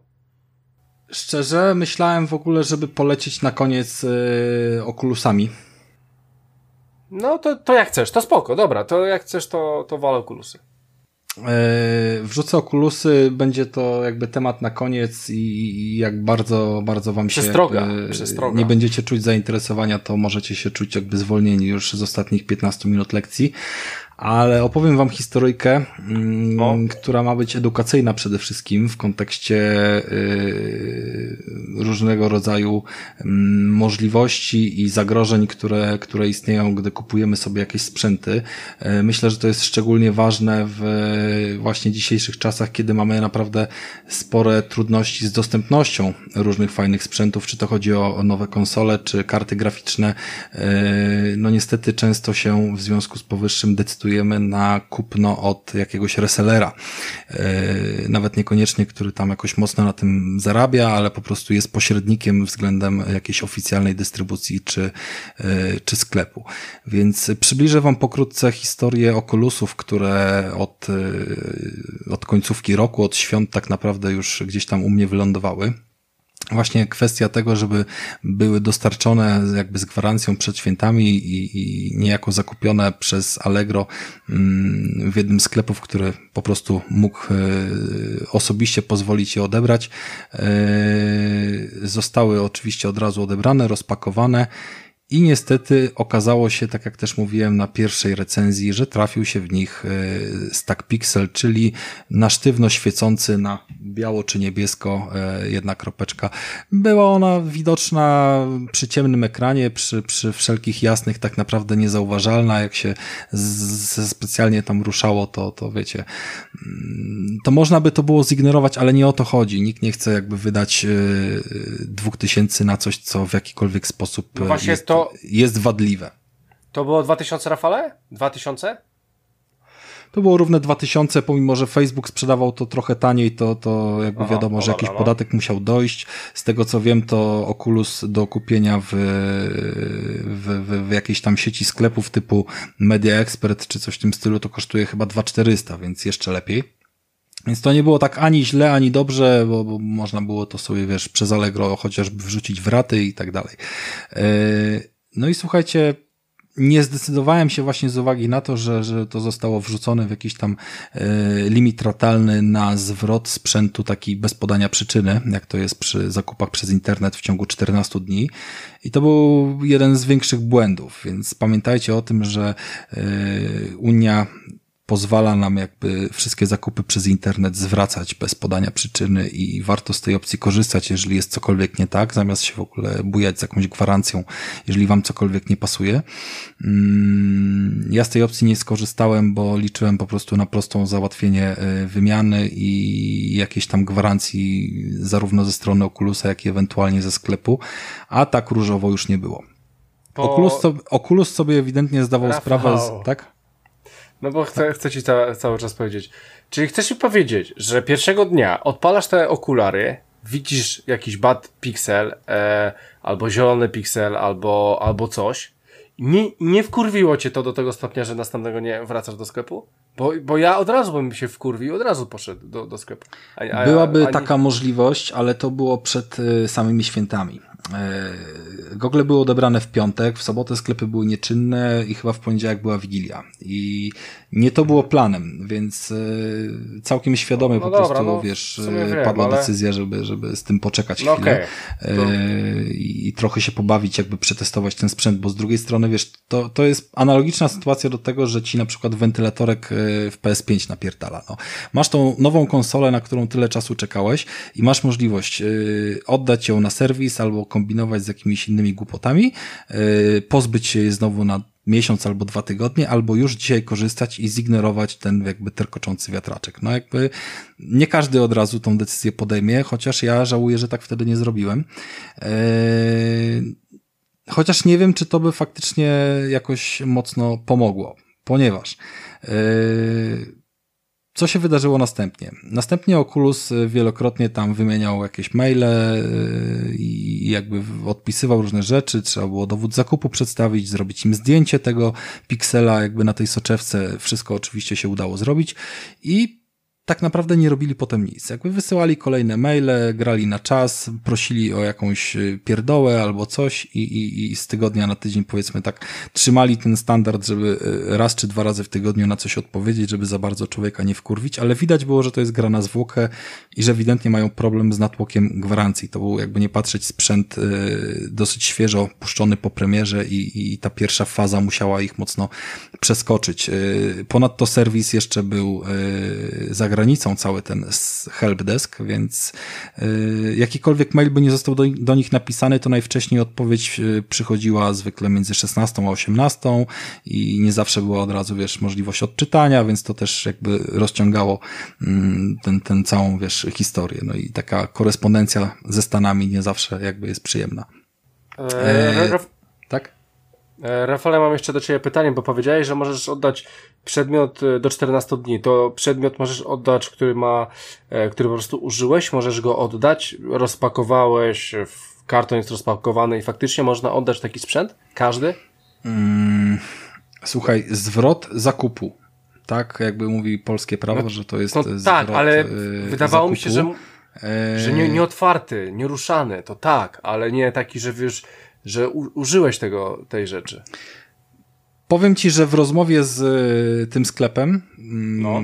powiedziałem im, że słuchajcie, no nie zrobiłem tego zwrotu w tych pierwszych 14 dniach, bo też jakby nie chciałem robić zamieszania z tym finansowaniem tego zakupu i myślałem, że nie będzie problemu i tak dalej. Gościu mi sam powiedział, że no, że było go wtedy zrobić. Jakby był świadomy, że przecież gogle były rozpakowane, jak stwierdziliśmy wadę i tak dalej. I Aha, czyli... E, wydaje no, mi się, okay. że mimo wszystko tutaj mamy aspekt prawny, jednolity, jakby wiesz, jakąś przesłankę do tego, że masz możliwość zwrócenia. I to działa na wielu płaszczyznach. Yy, jakby, jakby nie patrzeć, ja pracuję gdzieś tam w ubezpieczeniach, ubezpieczenia też przez pandemię bardzo mocno się rozwinęły w kontekście yy, sprzedaży, wiesz, ich na odległość zdalnej, pomimo, że to wcale nie było jakoś super popularne wcześniej. I pomimo tego, że jest yy, ustawa, która nie przewiduje możliwości zwrotu polisę na samochód, którą kupisz. Krótko mówiąc, jak już weźmiesz polisę, nawet jak nie zapłacisz za nią, ale weźmiesz, podpiszesz, y, to, to ona już jest twoja i nie masz możliwości zwykłego odstąpienia od umowy, jeżeli chodzi o obowiązkowe OC na samochód to w przypadku umowy zdalnej możesz to zrobić, bo ten drugi przepis y, jest jakby silniejszy w kontekście, wiesz, zakupów na, na odległość, nie? Y, i nie powinno tutaj blokować, e, wiesz, dopóki sprzęt nie jest uszkodzony, a jedynie, wiesz, po prostu został odpakowany, to, to jest to wciąż zwykły zwrot. I myślę, że było wiele sytuacji yy, na, na, wiesz, wśród naszych znajomych takich, które też to potwierdzają tutaj, wiesz. Kto, kto wie, to wie, do kogo mrugam teraz okiem. E, no więc, więc mamy, mamy taką sytuację, że kłócimy się z Oculusem. E, Oculus tak długo jakby olewa temat, już to powiedzmy miesiąc czasu trwa, że decydujemy się na zgłoszenie rękojmi, bo to jest druga opcja w naszym polskim prawie, że po prostu dystrybutor, sprzedawca sprzętu ma obowiązek wymienić go, zwrócić pieniądze, tudzież e, naprawić, jeżeli kupiony sprzęt jest wadliwy. E, no i oczywiście napisane pismo, skonsultowane wręcz nawet z infolinią Rzecznika Praw Konsumenta, żeby wszystko jakby trzymało swój e, jakby żeby wszystko było ujęte, co jest potrzebne do spełnienia tych przesłanek w przepisach, mm, czyli fakt stwierdzenia, kiedy została szkoda stwierdzona i tak dalej, bo tak naprawdę to e, w ciągu całego roku po stwierdzeniu, jakby od e, zakupu stwierdzenie usterki obliguje tutaj sprzedającego do udowodnienia faktu, że on nie sprzedał jakby uszkodzonego sprzętu. Jeżeli po roku to zgłaszasz, to ty musisz udowodnić, że kupiłeś uszkodzony, a nie go uszkodziłeś w trakcie, a jeżeli do roku to robisz, to, to sklep ma obowiązek, no, to jakby udowodnić, mhm. że to jest twoja wina, a nie taka, a nie, że taki został sprzedany. No i co z tego? To jest fajny przepis, ale niestety. Sklep pisze, nie masz racji sklep pisze, yy, to jest wada, która się jakby nie jest tak naprawdę wadą. Yy, różnego rodzaju elektroniczne sprzęty mają bad pixele i one są tam w jakichś normach przepidziane i w ogóle i super i tak dalej, nie? Więc my nie uznajemy i tak dalej. Jeszcze tam jakieś napisali jakieś głupoty, które, które podważały jakieś nasze zdanie, że to jest wada eksploatacyjna, yy, że zgłoszona po miesiącu, pomimo, że było, wiesz, jakby zrzuty różnego rodzaju, że, że my od razu jakby sygnalizowaliśmy problem. Mm, no i słuchajcie, poszedł, poszliśmy, yy, poszliśmy z, tym ich, z tą ich odpowiedzią do Rzecznika Praw Konsumenta. Poszło oficjalne zgłoszenie, y, cała sprawa została opisana, wszystkie dokumenty załączone. Na interwencję Rzecznika, który do danego miasta odpowiada, y, trzeba było poczekać około tam miesiąca mm, czasu, jakieś 4-5 tygodni, y, zanim, zanim tą interwencję podejmie, zdąży odpisać, ale odpisał bardzo ładnie, bardzo fachowo, bardzo jakby ta odpowiedź mi się podobała, poruszała wszystkie wątki możliwe i jednoznacznie jakby stwierdzała, że sklep e, no jakby tutaj ponosi odpowiedzialność za ten sprzęt i powinien go wymienić. Tylko wiecie, w czym jest problem? Że rzecznik jedynie wydaje opinię i ta opinia nie ma żadnego jakby, żadnej mocy wykonawczej. Żadnej. Oni mogą jedynie powiedzieć, e, nałożyć karę, jeżeli sklep by nie odpowiedział, ale jak odpowiedział nawet chuj wam w dupę yy, wszystkim i, i kamieni kupę, to niestety okej, okay, dobra, rozumiemy, zamykamy się już. Yy, I takim odpowiedzieli, że pomimo tego, co napisaliście, my dalej obstajemy przy swoim, w dużym uproszczeniu, yy, że to, to, to jakby dalej mamy swoje przesłanki, swoich ekspertów i nic nie musimy wam przedstawiać i pierdolcie się. E, nam rzecznik odpisał, co w takiej sytuacji możemy zrobić, właśnie, że oni nic nie są w stanie wykonać, że nie są policją i w gruncie rzeczy mamy pełną dokumentację i wszystko, żeby pójść do sądu, do jakiego sądu powinniśmy pójść i że oczywiście jak wygramy, to, to jest spoko, jak przegramy, to yy, będzie trzeba jakieś tam ponieść koszty i wiadomo, tego typu rzeczy. No i no, no jebło, nie? Pierdolnik w kur, wiadomo, wiecie, no, no ktoś z wami ciśnie. Mm, od, y, odkręciliśmy, słuchajcie, bilet, y, ten ticket u Oculusa, no bo skoro minęło już tyle czasu i czekaliśmy już ponad kolejny y, miesiąc, półtora, to, to stwierdziliśmy, że może jednak ta oryginalna opcja tej gwarancji się uda. No i po kilku wiadomościach się udała. Oni powiedzieli, dobra, okej, okay, uznajemy, tylko proszę powiedz, gdzie mamy tą jakby kuriera umówić i tak dalej. No my mówimy w Polsce. Oni mówią, ej, ale ale ten Oculus był sprzedany w UK i on jest u nas zarejestrowany na UK i, i wiesz, no my musimy z UK go odebrać. No po prostu tak musimy, nie? Więc y, jak podasz nam adres w UK, to my go odbierzemy, a jak nie, to pierdol się na cyce. Y, po angielsku to było napisane, dokładnie. Y, give a fuck of your tits, nie? No i w tym, i w, ty, i w tym momencie no, poszedł w kurw totalny. Natomiast otworzyło to pewną też dodatkową ścieżkę. Kolejny kontakt z sprzedawcą, ze sklepem, e, w którym nawet w sumie większe zakupy zrobiłem niż ten Oculus jeszcze, e, bo tą jebaną lampkę Xboxową właśnie tam sobie odpaliłem u nich. Mm, kolejny kontakt poszedł na zasadzie, co wy odpierdalacie, obiecaliście, że gwarancja będzie wszędzie, a tutaj gwarancji nie ma. Chyba nie przewidzieliście, że UK wyszło z Brexitu, czy coś w tym stylu, no i co teraz, nie? No i Tutaj chyba nastąpiło trochę delikatne obsranie, bo jakby nie patrzeć, no jest sprzedawany przedmiot i wszystkie aukcje na Allegro i tak dalej y, wystawione, że jest z gwarancją producenta sprzęt. No więc powinna ta gwarancja działać. W tym momencie ona nie działa i podejrzewam, że samo Allegro, które stanowi pewnie o, o, o wiecie, większości obrotów y, u takiego sprzedawcy, mogłoby mieć zastrzeżenia do takich praktyk i być może nałożyć im jakiegoś bana albo cholera wie co jeszcze.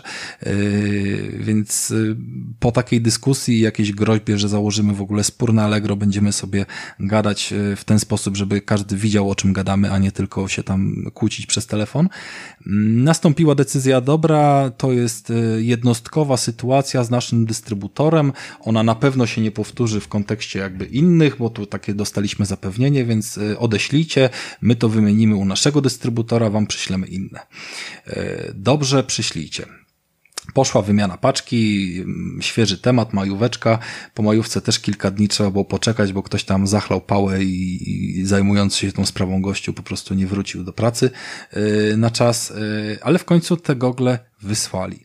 I słuchajcie, odbieram paczuszkę w poniedziałek utęsknioną. Cieszę się, że to jest koniec yy, czteromiesięcznego naprawdę koszmaru, bo, bo w kurwów było co niemiara, to wcale nie był przyjemny kontakt jakby z tym sprzedawcą. Yy, szczególnie, że no nie było okazji pogadać z szefem, tylko ciągle jakieś takie, wiecie, przetłaczanki przez pracownika. Yy, no i otworzyłem nowe gogle i też mają bad pixela, tylko po drugiej stronie. Więc y, to już trochę był śmiech przez łzy i zastanawiałem się, czy po prostu y, nie zafundować sobie rozrywki wartej 2000 zł pod tytułem rozkurwianie go młotkiem do mięsa albo wiecie, tego typu jakieś rzeczy. To też by było satysfakcjonujące. Y, no i zobaczymy, co dalej tak naprawdę. Y, to jest jakby temat jeszcze niewyjaśniony. Y, w gruncie rzeczy dalej nie, nie chcę mieć z tym, z tym sprzedawcą nic wspólnego, bo tutaj już sam fakt pochodzenia sprzętu z UK'a i różnych innych jakby aspektów, że oni tak w chuja mm, powoduje, że ja bym tak naprawdę wolał zwrot y, tej kasy, anulowanie transakcji. Ja sobie po prostu Oculusa wtedy zamówię od Facebooka i się będę z tymi, wiecie, z Amerykańcami napierdalał, przynajmniej będę miał świadomość wtedy, że, że, że wiem z kim gadam. Yy,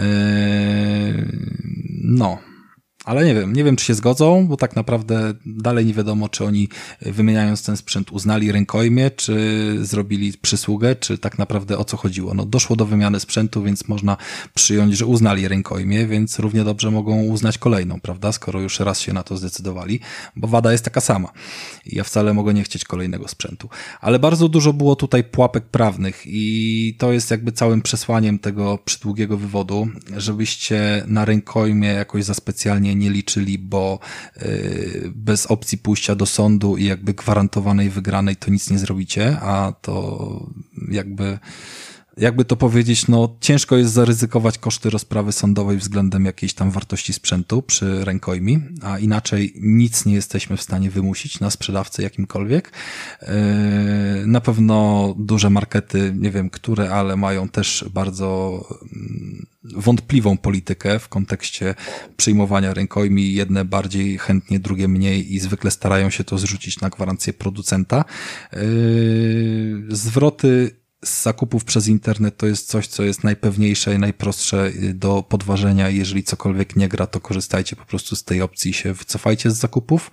E, a jeżeli chodzi o Brexit i sprzęty, które są e, w jakiś sposób stamtąd ściągane, importowane, a wiem, że tego jest od chuja w Polsce, wystarczy zwrócić uwagę czasami na informacje w opisie, że, że z adapterem do gniazdka jest coś e, dorzucane, czy jakiś telefon na przykład z ładowarką albo inny tego typu sprzęt no to niestety wystrzegajmy się tego po Brexicie, bo się okazuje, że mogą być inne warunki gwarancji. Ktoś może, wiecie, zażyczyć sobie jakieś tam rzeczy, które będą nierozsądne, typu przesyłka przedmiotu najpierw do Anglii, bo już nawet rozważaliśmy taką scenę, że, że jak Krystianowi wyśle te okulusy, żeby od niego odebrał je, wiesz, e, Facebook i, i wymienił je, czy coś w tym stylu, no. E, no, więc e, to tyle w sumie z tej historii, chyba że macie jeszcze jakieś pytania o, odnośnie jakby ich y, precyzyjnych zapisów. Yy, warto mieć pośrednika, warto robić zakupy bardziej jednak na Allegro niż na Elixie, bo Allegro też ma, ma jednak swoje w miarę mocne serwisy, które pilnują tych, tych yy, chronią jakby kupujących, niezależne od polskiego prawa i potrafi jakimiś tam swoimi narzędziami za, zachęcić do tego, żeby się poprawnie zachował sprzedający. No ale poza tym to, to wciąż jako super konsumenci jesteśmy w super dupie. No. Szkoda. Szkoda Rafale, nic na to nie poradzimy, co zrobić. E, no, z życia wzięte trochę. No, e... w stu procentach. Czyli, czyli co? Możemy zamykać interes na dzisiaj? Czy jeszcze ktoś tak, coś? Z zamykajmy, zamykajmy. Rozchodniaka tak. i idziemy. Tak, no, rozchodniaka jeszcze teraz... Krystian zrobi, pozdrowi e, patronów. Aha. E... Kogo tam mamy? E, znaczy, wiesz co? E, chodziło mi, żeby to zrobić raz na miesiąc. E, Aha, i, I zawsze chciałbym. To pierwszy raz. I za, spokojnie. I zawsze chciałbym to zrobić pod koniec miesiąca. E, w Dobra. ostatnim miesiącu, e, w ostatnim podcaście miesiąca. O, to, to chciałem powiedzieć. Więc e, w tym miesiącu będzie jeszcze podcast. E, więc dopiero w kolejnym podcaście e, chcę to zrobić, szczególnie, że chcę dać wszystkim równe szanse, prawda? E, to prawda, no jakby nie patrzeć, wielu... pierwotnie podcast y, poszedł, znaczy Patronite poszedł jakby tylko na grupie naszej został opisany, a, a reszta dopiero dzisiaj od odcinku dostanie te linki i tak dalej, więc do tej pory tylko grupowicze mieli szansę się o tym dowiedzieć. No i tym samym zapraszamy na grupę, jeżeli chcecie mieć jakieś treści, które przychodzą szybciej, to tam się właśnie zwykle pojawią. Tak. Tam... Dokładnie. Oprócz grupy e, zapraszamy na bezimienny.pl, e, iTunes, Spotify, wszędzie jesteśmy, więc kończymy dzisiaj flaszkę i lecimy do domu. Ja mam długi weekend, wam życzę jeszcze A, spokojnego hamstwo. tygodnia. No, Niemcy mają lepiej, Niemców stać.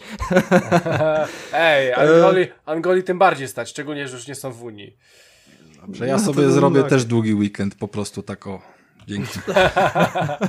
E, polecamy ten styl życia. E, poleca ten styl życia Rado, Rafał Radomyski. Dzięki wszystkim, cześć. Ten styl życia poleca Christian Kender. Ja, ja niestety nie, z niego nie skorzystam, ale e, dzięki wszystkim, hej. I polecam ten styl życia ja, czyli Michał Stillers. Usłyszymy się za dwa tygodnie. Cześć.